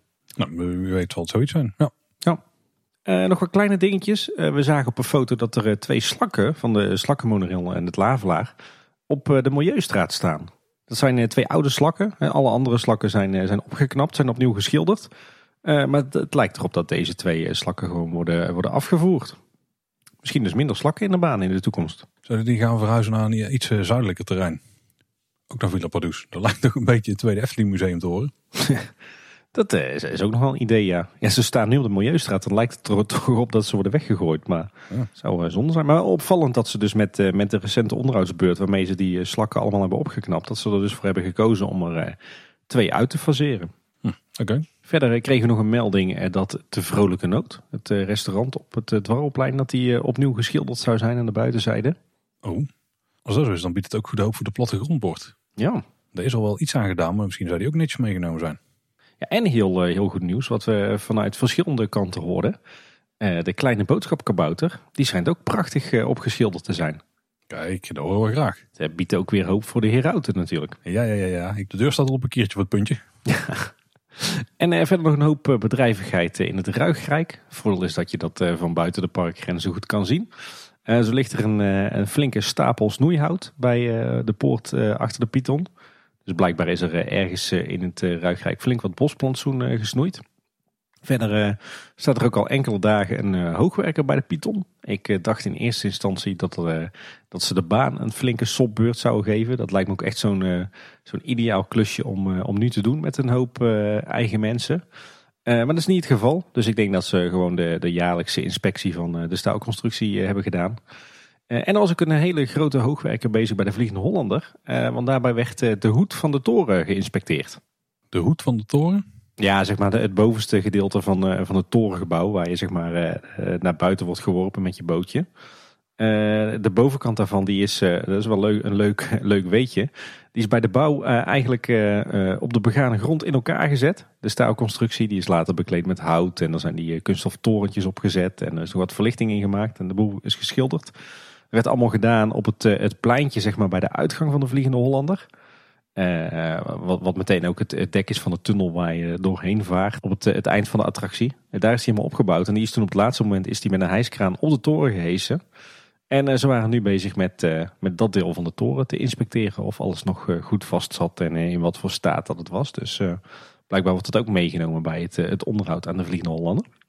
En wat we trouwens ook nog zagen op social media, is dat uh, de boten van de Vliegende Hollander uh, op transport terug naar de Efteling zijn. Want meerdere luisteraars hebben uh, boten van de Vliegende Hollander gespot op de A59, op trailers. Die, eh, die boten die komen trouwens van eh, de firma Bom Engineering. En ik eh, kwam daar toevallig, eh, reed ik er laatst langs. Die liggen volgens mij ergens langs de A17. En het grappige is dat ze een enorme banner op hun bedrijfshal hebben hangen. eh, met een foto van hun werkplaats met daarin de boten van de Vliegende Hollander. Dus daar maken ze ook nog eh, reclame mee ook. Nou, dan gaan we door naar het korte nieuws. Er stond wederom een artikel op het Efteling blog, maar dit keer over de zeven attracties die het afgelopen jaar, dus 2020, het best waren beoordeeld. Ja. ik zal even snel door het rijtje lopen. Tim, Baron 1898, die hoort zeker in de lijstje thuis. Droomvlucht, Joris en de Draak, Piranha, Sprookjesbos, Symbolica, Vliegende Hollander. En dan mis ik eigenlijk nog wel een paar, maar we zijn al door de zeven heen.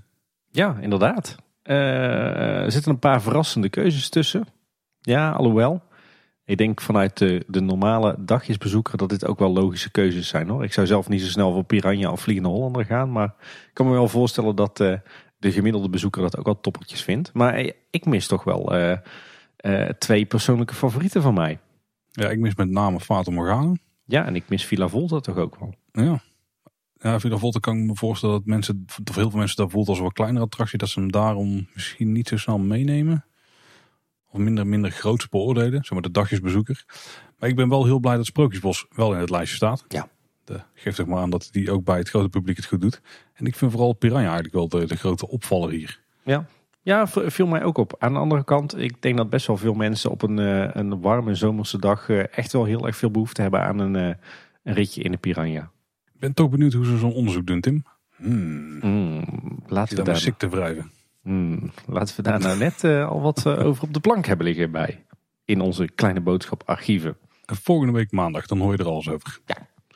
Eh, een heel leuk nieuwtje. Tenminste, wij werden er thuis allemaal collectief heel blij van.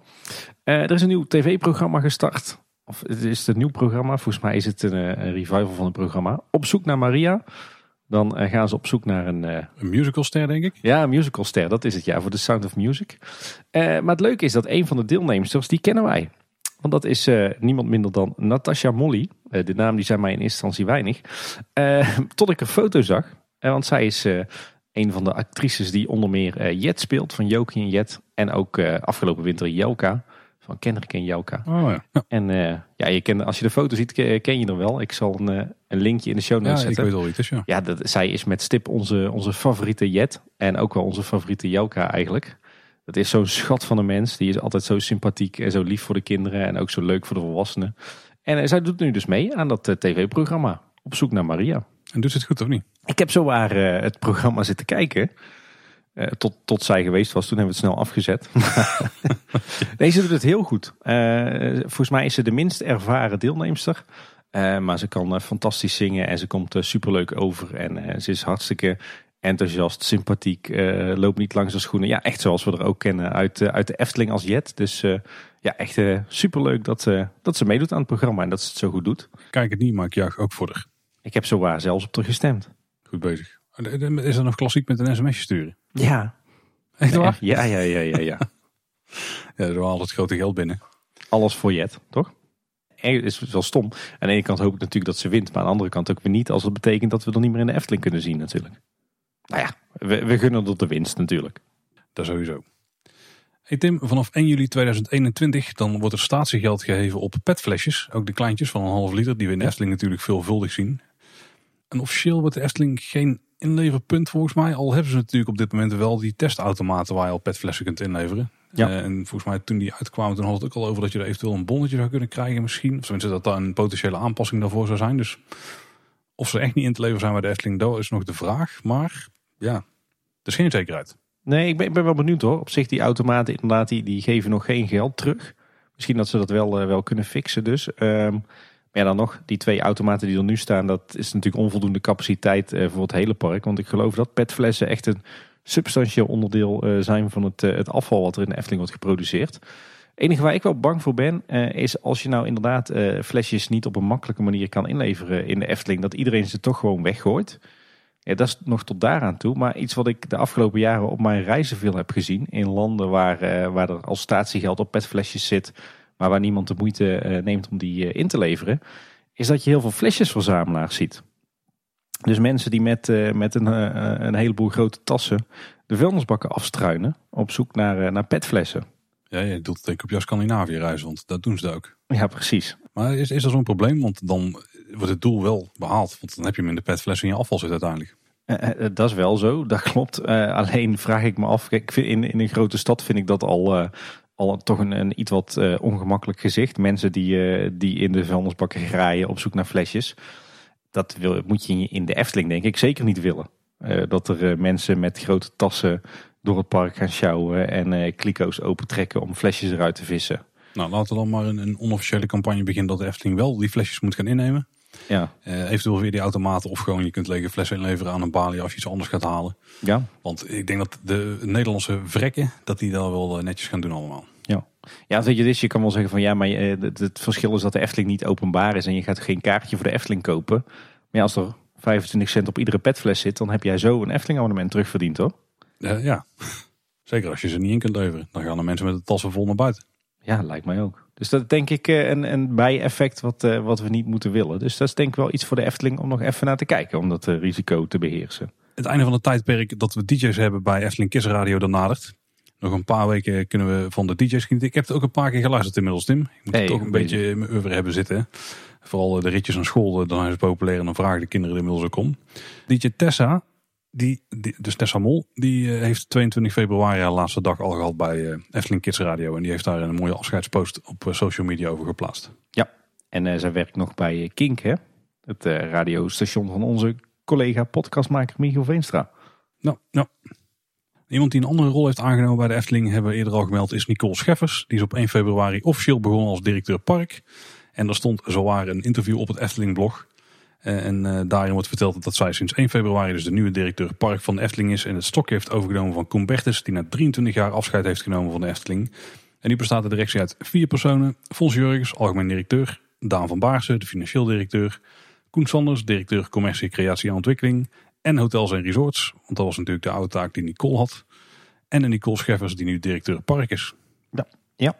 En we lezen dat, uh, dat Nicole afkomstig is uit Apeldoorn. Dat ze eigenlijk als kind en tiener weinig met de Efteling had. Maar uh, inmiddels woont ze in de buurt van het park. Waarschijnlijk hier in uh, de Kets.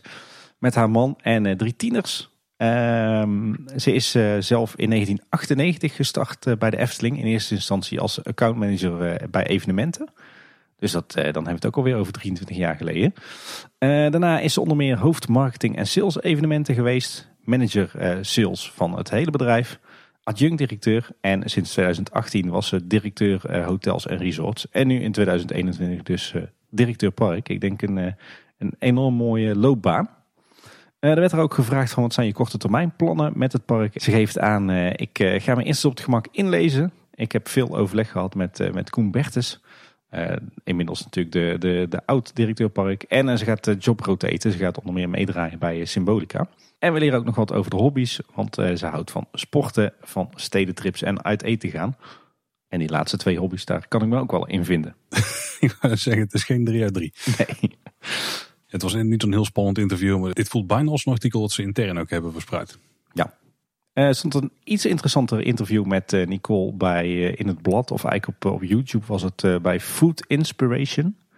We zullen het, het, de link ook weer even delen in de show notes. een paar opvallende dingen daar is dat het eh, reserveringssysteem, dat natuurlijk is eh, ingevoerd vanwege corona, dat dat eh, de Efteling erg goed bevalt. Ik krijg toch de indruk dat we daar in de toekomst ook nog steeds te maken mee blijven houden. Zij het misschien niet meer verplicht vanaf een bepaald moment.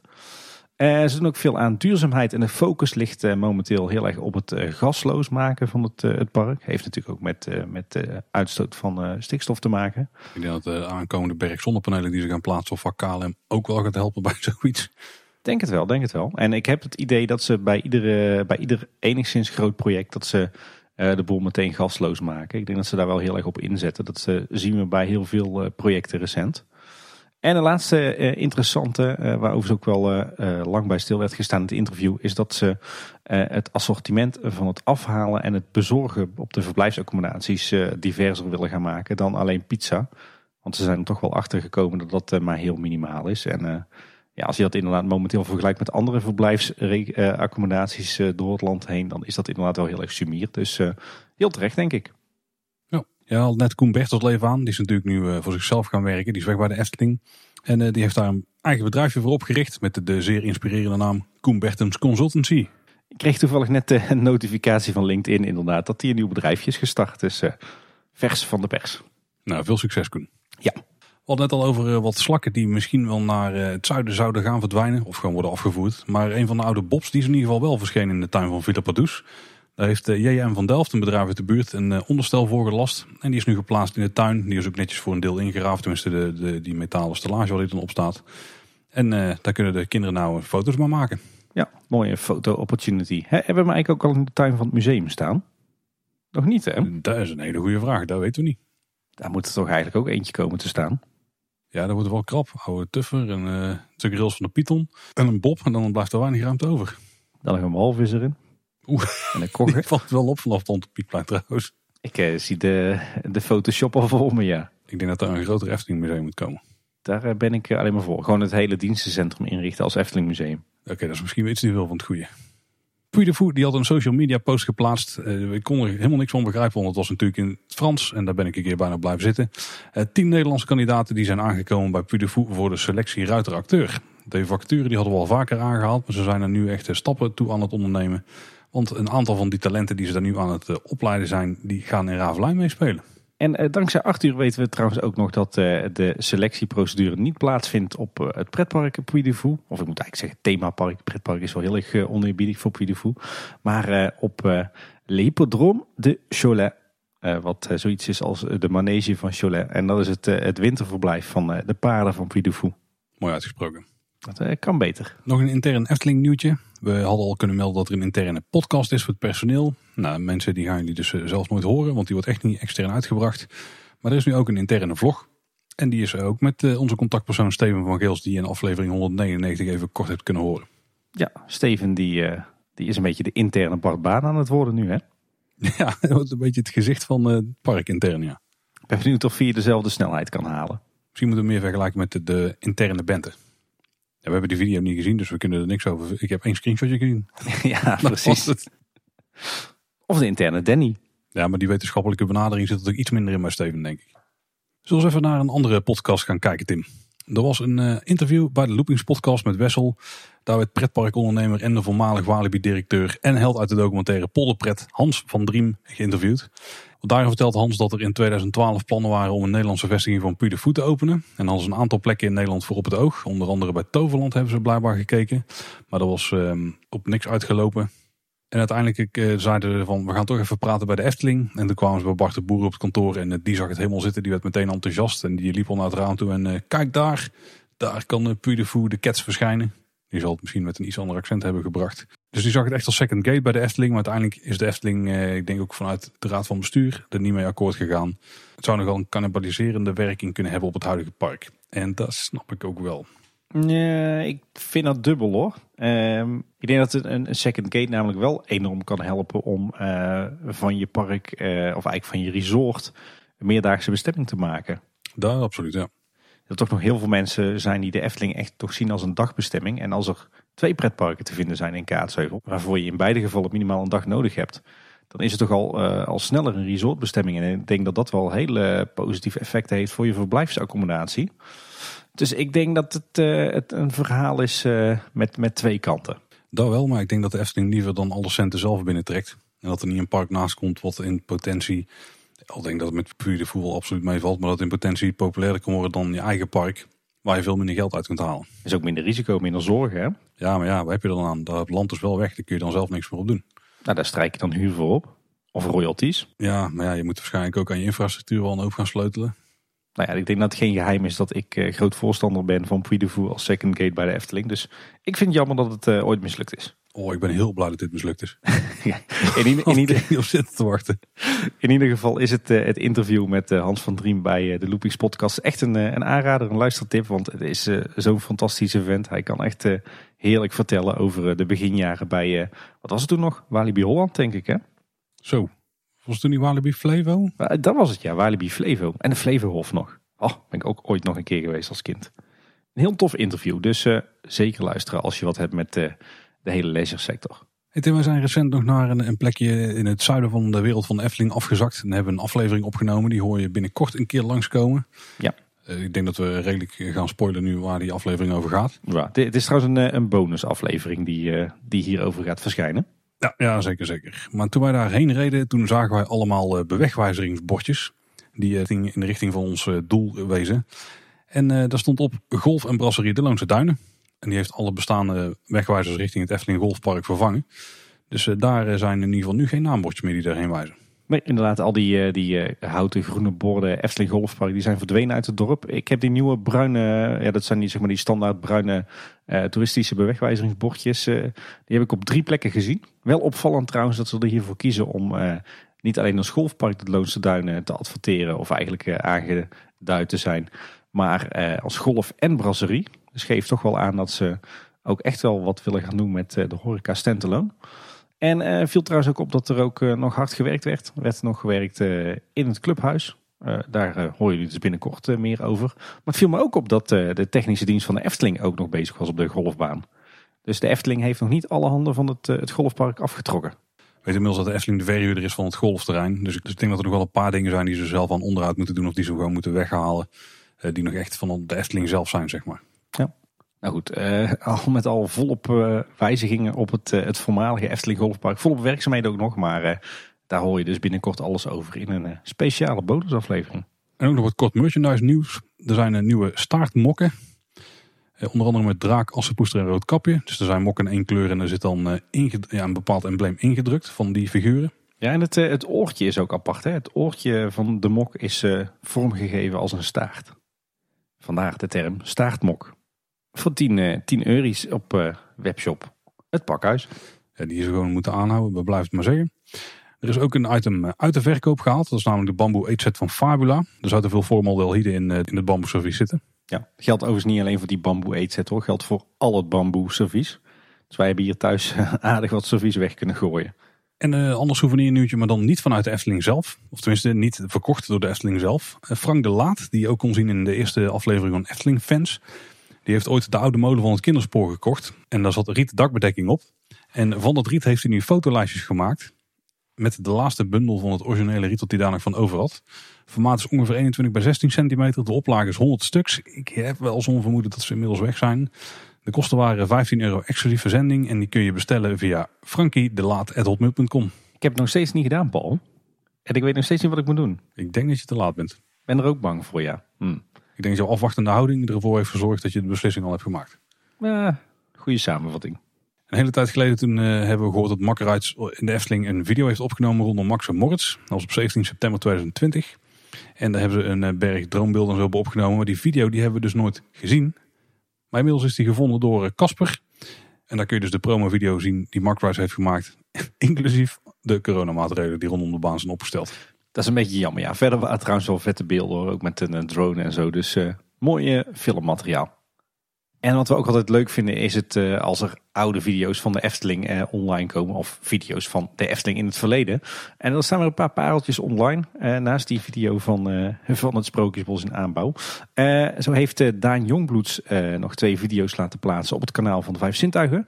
Van de Efteling in 1997. En ik heb ze allebei bekeken. En hele mooie beelden van de roeivijver. nog echt in functie. Van het, het oude Carnaval Festival. Inclusief eh, de, de buitengevel en café de Pretneus. Wat best wel bijzonder is, want daar zijn eigenlijk amper eh, beelden van. Eh, maar in deze video zie je dat heel goed. Um, verder zo'n beetje de volledige Samson en Gertje op de speelweide. ook echt jeugdsentiment voor mij. En een mooi ritje in de pagode waarmee je natuurlijk een prachtig overzicht hebt over de Efteling in 97. voelt voor mij nog als heel kort geleden, maar is stiekem toch ook alweer 24 jaar terug. Man, worden oud. En uh, Niels Kooijman, uh, die postte een video van de Efteling in 1990. Dat is helemaal mijn kinderjaren. Met uh, een verschrikkelijk lelijke padoes. Met de ingang West nog volop in gebruik. Met de Merkelin tentoonstelling, volgens mij in de Waterorgelzaal. En het kinderbad in volle glorie. Dus ook dat is zeker het bekijken waard. En we zullen de YouTube links natuurlijk weer in de show notes gooien. En inmiddels ook een tientallen afleveringen geleden hebben we een interview gehad met Bram Elstak de Efteling tatoeëerder, laat hem zo even noemen. De, of de Efteling tatoeage koning. En uh, mocht je nou inspiratie willen opdoen voor een tatoeage die je bij hem kunt laten zetten. Hij heeft een flashsheet gemaakt met het thema van de Indische waterlelies. linkje zetten we wel even in de show notes. En ook iets heel tofs wat uit is gekomen via de vijf zintuigen. Is een, een boekje, het elfje dat maar één vleugeltje had. Wat uh, Tom van der Ven heeft geïllustreerd in 1976. die, daar is een, nu een digitale versie van ingescand en bewerkt door Marcus van de Ven, de zoon van Ton. En zoals ik net al zei, de vijf zintuigen, die heeft hem online geplaatst. Dus check die link in de show notes. Hele toffe, hoge kwaliteit illustraties die je daarin kunt vinden. En het volgende, volgende nieuwtje, Paul, dat, dat wil ik jou niet ontnemen. Dat is echt wat voor jou om te brengen. Dan gaat het over het kruispunt Efteling en Lego.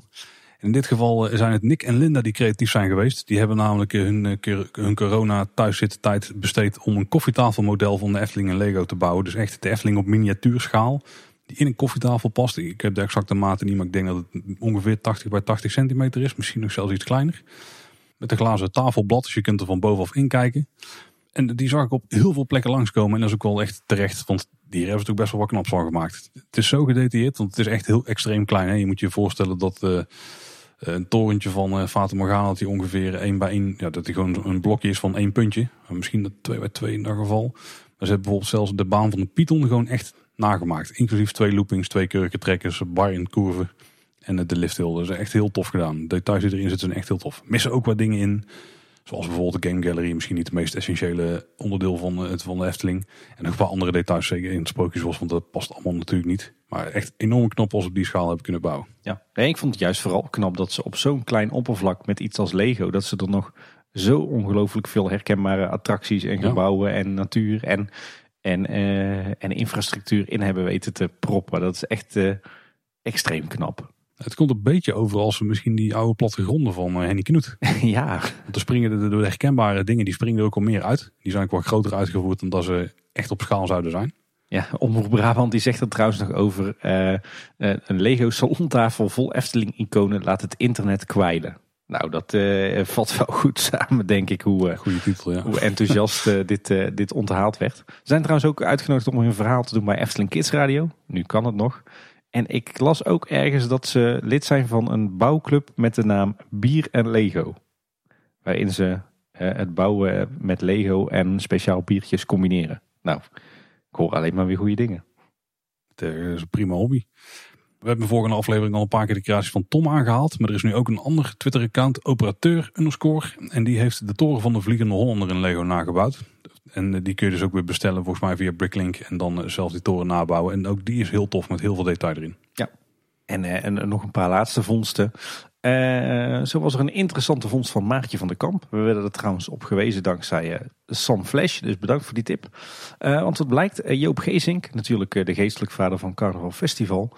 Die maakte in 1968 al plannen voor een pretpark op Curaçao. Dat luisterde naar de naam Caribbean Festival. In plaats van Carnaval Festival. Heel tof. Ze heeft daar wat dingen van online gezet. Een hele beschrijving, maar ook een gedetailleerde plattegrond. En uh, ja, dat is echt een soort pretparkje. Hè, met een flamingo vijver, met een tentoonstelling over Shell. met een bar in Philips thema. Met een piratenherberg, met een Holland paviljoen, een kaasrestaurant, een broodjesbar, een molen. En een dijk met Hansje Brinker die zijn vinger erin steekt. Dus ja, echt zo'n masterplan. Hè? Maar wel grappig om te zien dat Joop Geesing dus in 1968 al actief was in de pretparkenbranche. Oh, als Joop nou nog had geleefd, dan had hij zeker eh, een nieuwe attractie of concept bedacht. Coronaval Festival. Dat moet er gewoon.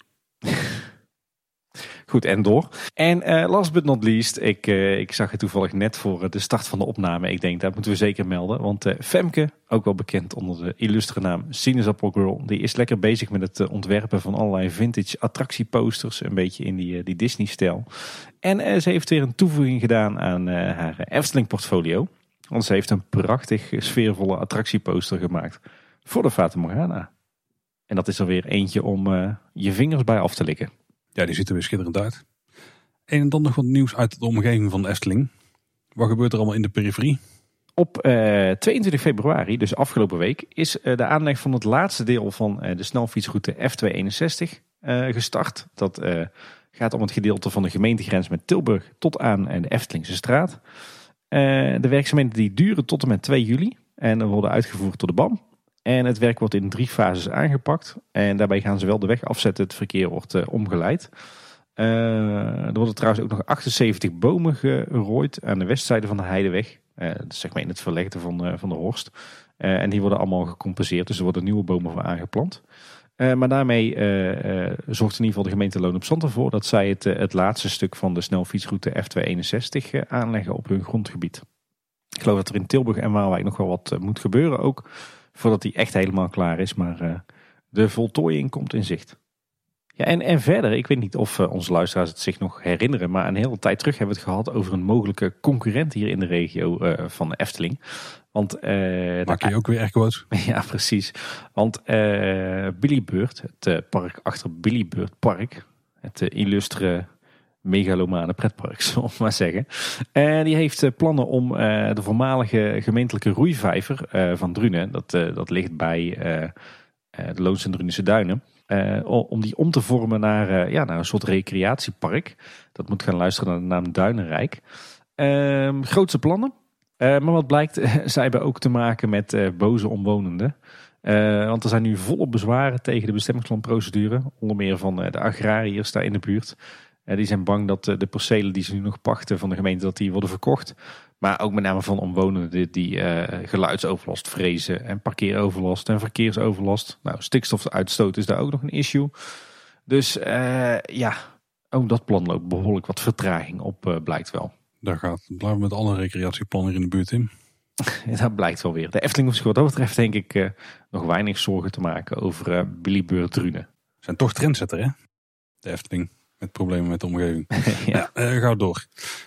Ja, en, en ook nog wel een, een interessant of misschien jammerlijk nieuwtje voor sommige luisteraars. Ligt eraan van wat voor muziek je houdt.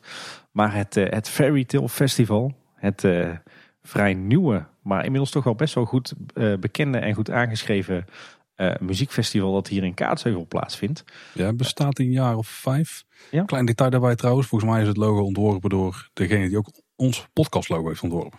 Oh, echt waar? Cool. Ja, er zijn in ieder geval heel veel mensen hier in Kaatsheuvel en omstreken uh, bij betrokken bij dat festival. Uh, ook mensen die, uh, die een beetje zo in de leisurewereld rondhangen. Dus veel bekende namen en gezichten daar. Maar goed, het Fairytale Festival heet natuurlijk niet voor niks zo. dat, dat is wederom geannuleerd in 2021 en de volgende editie vindt nu plaats in mei 2022. En is tot nu toe de een van de weinige plekken geweest waar je kunt recreëren op de toekomstige uitbreidingsvelden van de Efteling. Mam!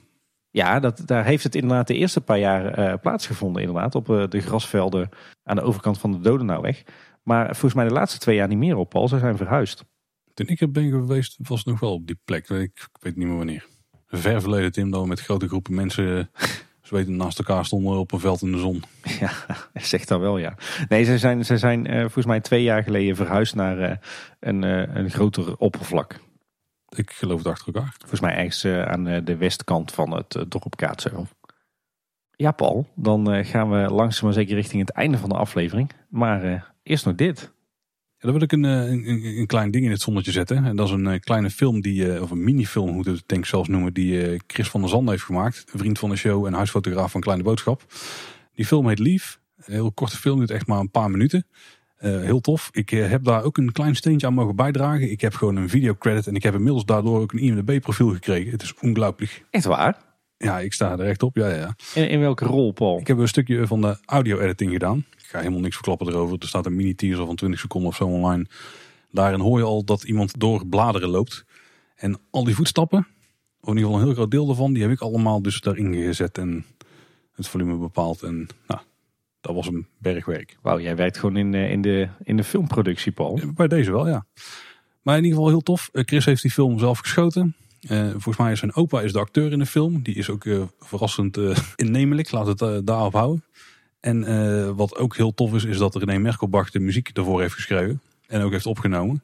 En daar ben ik ook even bij aanwezig geweest toen dat, werd, toen dat gebeurde. Dat was heel tof om eens mee te maken hoe het dan in de praktijk zo'n opname verloopt door René. Die muziek, ik betrap me er regelmatig op dat ik hier gewoon aan het fluiten ben. Zo uh, in het huis als ik iets aan het doen ben. Dit eh, klinkt wel heel veelbelovend. De samenwerking tussen Chris, René Merkelbach en jou. Dat uh, moet ik toch gaan zien.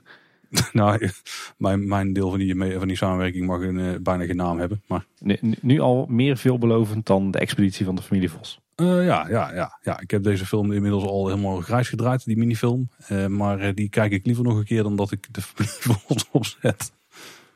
Maar hij komt vandaag uit. 1 maart, as we speak, zou die. Ja, ik weet niet of hij nu al meteen beschikbaar is als je het vroeg in de ochtend luistert. Maar in de loop van de dag zou die ergens beschikbaar moeten komen.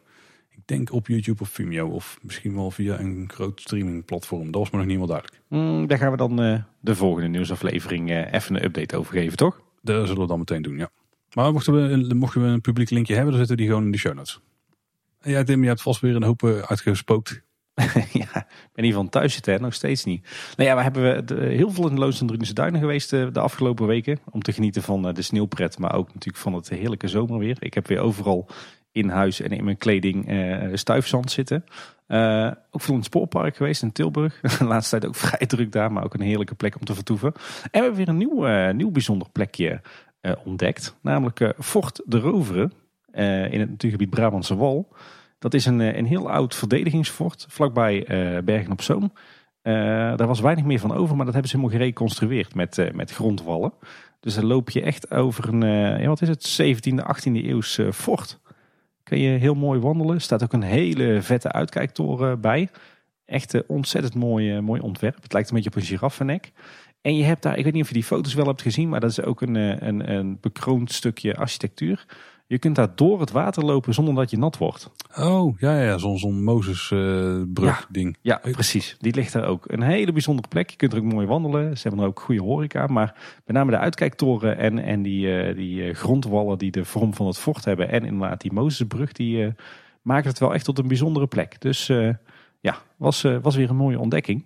En komend weekend gaan we lekker een weekendje richting de Hoge Veluwe weer. Maar dan voor de verandering eens een keer zonder de kids. Die gaan eh, lekker logeren bij opa en oma. En dan hebben we een keer een, eh, een huisje met z'n tweetjes. Goed geregeld. Ja.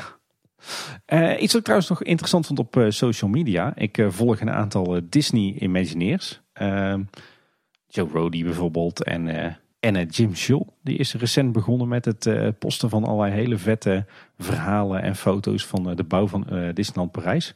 Maar mijn favoriet is toch wel Eddie Soddo de redelijk markante Disney Imagineer. En die had laatst een heel bijzonder draadje op Twitter. Die deelde ze een van zijn grootste frustraties. En die was voor mij al heel erg herkenbaar.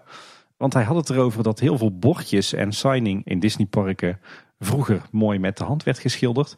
Maar dat je steeds vaker uh, ziet dat die bordjes worden vervangen door uh, prints uit, uh, uit een printer op, op folie. Waarmee vaak juist dat handgeschilderde wordt nagebootst. En daar stoorde hij zich mateloos aan.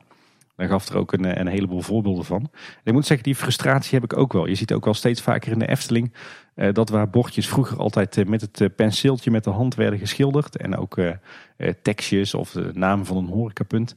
Dat het nu steeds vaker gewoon stickerfolie uit de printer wordt. En dat is toch wel erg nep. Dus ik moest wel heel erg lachen om die frustraties van Eddie Soddo. Eddie is cool. Ja. Nog wat luistertips. Uh, een drietal, nou een viertal. Aflevering 6 van seizoen 9 van Ochtend in Pretparkland vond ik heel tof. Uh, daarin hebben Danny en Erwin het over het pretparkland Finland. en met name heel tof om weer eens wat te horen over Lina Mäki. Het stadspretpark van Helsinki, waar ik zelf ook ben geweest. Hele toffe omschrijving. Ik ben het niet helemaal eens met, met de heren. maar zeker een toffe aflevering. Zoo Insight, de Dierentuin podcast, aflevering 118. Daarin gaan zij in gesprek met Erik Zevenbergen, de directeur van Diergaarde Blijdorp. Een ontzettend inspirerend uh, gesprek. een hele slimme man. Hij zegt een aantal hele verstandige dingen over de dierentuinsector en over Diergaarde Blijdorp. Dus die was ook heel tof. En natuurlijk aflevering 3 van Team Park Science. Het interview van Danny met René Merkelbach. gaat, of zou eigenlijk moeten gaan vooral over zijn werk voor This is Holland de vliegsimulator in Amsterdam. Maar stiekem gaat een, eh, een heel groot deel van het interview ook over het werk van eh, René voor de Efteling. En daarin komen we toch nog best wel wat eh, interessante nieuwe dingen te weten over de soundscape van Max en Moritz. Ja, aflevering 4 is trouwens ook best interessant van Team Park Science podcast. Daar gaat het meer over is Holland in het algemeen. Maar daarin komt ook een bekende naam langs die wij ook veelvuldig hebben genoemd in de Efteling en de Media deel 1 aflevering die we met Bjorn maakte. Namelijk Dennis Bots, die regisseur is van de film van is Holland. Daar heb ik nooit bij stilgestaan dat het Dennis was. Maar die heeft natuurlijk ook die film Hugo gemaakt voor de Efteling. En ook meegewerkt aan verschillende Efteling producties die in het park zelfs worden toegepast. Zoals bijvoorbeeld eh, de film van het meisje met de zwavelstokjes. Maar ook de voorshow van Pandadroom destijds. En uh, nog wat andere zaken. Dus uh, daar krijg je niet heel veel over te horen. Maar daar gaat het op een paar punten toch wel over. Ja, lijkt me ook een interessante persoon om eens een keer een babbeltje mee te maken. Absoluut, ja. Ik kwam trouwens ook achter dat het, eh, het Openluchtmuseum, een van mijn andere favoriete plekken in Nederland, dat die nu ook een eigen podcast hebben. Namelijk, eh, die luistert naar de titel Kleine geschiedenis, grote verhalen. Ik moet ze nog luisteren, maar uh, klinkt veelbelovend. Uh, iets wat ik trouwens de vorige keer aanhaalde, is dat er een nieuw boek is. Theme Park Project Management. Dat leek me een aanrader. Ik heb hem inmiddels binnen, helemaal uit Amerika. Maar het blijkt vooral een hele mooie kaf te zijn. Met uh, daar binnenin vooral heel veel stencils van een, een theorie van een bepaalde meneer die ooit voor Disney heeft gewerkt. Uh, er zitten op zich, als je net als ik in het projectmanagement zit, zitten nog wel wat interessante invalshoeken in. Maar uh, voor de gemiddelde pretparkfan is het uh, niet de moeite waard van het bestellen. Oké. Okay. Helemaal als laatste, ik zag laatst de trailer van de nieuwe film Cruella. Background story, of de, wat is dat dan? De origin story van over Cruella de Vil. bekend van de 101 Dalmatia films. Daar kijk ik toch wel heel erg naar uit hoor. Ik ben toch stiekem blij dat ik Disney Plus heb nu. ja, daar komt hij op termijn vanzelf voorbij. Ik werd er niet per se enthousiast van. Ik ben ook niet zo'n M. Stone fan, maar het is ook vooral die voorgaande films een beetje van dit type. Ja, nee, dat is niet mijn type Disney film, denk ik. Of überhaupt film. Ja, ik denk dat ik stiekem gewoon een klein beetje verliefd werd op Cruella in die uh, teaser, dus, uh, of trailer. Dus misschien ligt het daaraan. Rapporteer maar mooi terug wat daar is gebeurd. Nou luisteraars, daar zijn we weer aan het einde gekomen van de aflevering. Eh, maar niet nadat we echt een hele berg aan reviews hebben opgelezen. Want volgens mij heeft aflevering 199 al losgemaakt bij een aantal mensen. Nou ik echt een hele stapel reviews binnengekregen via eh, Apple Podcasts. Dat is toch nog steeds wel het primaire podcastplatform ter wereld. Want dat is ook de plek vanuit waar uh, een podcast zich een beetje verspreidt over uh, alle andere platformen. In veel gevallen, behalve Spotify, een beetje de uitzondering. Ik wou net zeggen, jij zegt het wel Paul, maar uh, op Spotify waren we de afgelopen week geloof ik uh, trending uh, in drie verschillende categorieën. En volgens mij ook voor heel Nederland stonden we op plek 14 of zo, toch? Ja, 13 volgens mij zag ik zelfs in de interface. Maar er is blijkbaar een of ander algoritme achter wat nogal heel erg gaat over het aantal beluisterde minuten. En ik denk dat we daar vooral heel goed hebben gescoord de afgelopen week. Met volgens mij in acht dagen, hoeveel was het? Zeven uur aan content of zo? ja, precies. Dus dat zal wel geholpen hebben.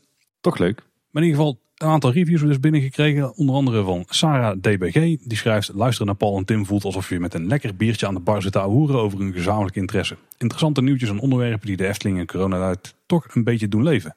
Klasse mannen, ga zo door. Kijk, dat is precies wat we willen zijn, toch? Gezellig aan de bar met een biertje in de hand. Of een schobbeler, ook prima. Ja.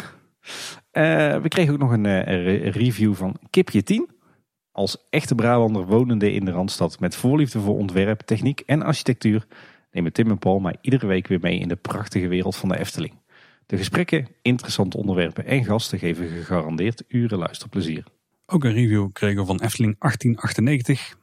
Beste Paul en Tim, bedankt voor jullie heerlijke, waarbij de H tussen haakjes staat, dus mag ook eerlijker zijn, wekelijkse en soms vaker podcast. De positieve podcast van jullie over ons mooie park in de achtertuin geeft ons altijd een actuele update in de wereld van wonderen. Ga vooral zo door en alvast gefeliciteerd met jullie 200ste aflevering. Sowieso vijf sterren waardig. Groeten Stefan. Nou, hartstikke bedankt Stefan. We hebben er ook nog eentje van, uh, wat is het? K9 2019 of K9 2019. Ja. Uh, de podcast is iedere keer weer genieten. Het blijft verrassend en interessant wat de heren te vertellen hebben over de grote en kleine zaken van de Efteling. Ga zo door. En dan nog een kleine review van Nicky Steenkist, ook een van de hosts van de Uppelot podcast. Geweldige informatieve podcast over de Efteling. Er is er ook maar eentje voor zover ik weet trouwens. Trouwe luisteraar sinds aflevering 1. Nou, dat is toch weer leuk om te horen. Ja, en het is natuurlijk eh, wel bekend. Wil je een reviewtje achterlaten, dan kunnen we daar zeer waarderen. Uh, Apple Podcast is een hele goede plek, maar iedere app die het toelaat, doe het daar zeker. Uh, helpt ons echt enorm en het helpt ook andere mensen enthousiast te worden om ons te gaan luisteren. En als je dan toch in een podcast app luistert, abonneer je natuurlijk even op onze show. Want dan krijg je op zijn minst iedere maandagochtend een nieuwe aflevering in je podcast app. Ja, nou verder zijn we natuurlijk te vinden in alle andere podcast apps en op Spotify. en we hebben een eigen website, dat is kleineboodschap.com. En wil je ons op social media volgen of wil je daar een vraag stellen, dan kan het onder andere via Twitter. Daar zijn we Edka Boodschap. En op Facebook en Instagram zijn we Kleine Boodschap. Verder kan je ons mailen op eh, info.kleineboodschap.com. En op onze website vind je naast alle afleveringen en alle show notes ook nog een contactformulier waarmee je ook eh, contact met ons op kan nemen. Dus dat is uh, kleineboodschap.com. Zeker. Dat was in ieder geval weer voor deze week. Bedankt voor het luisteren. Tot de volgende keer en houdoe. Houdoe waar.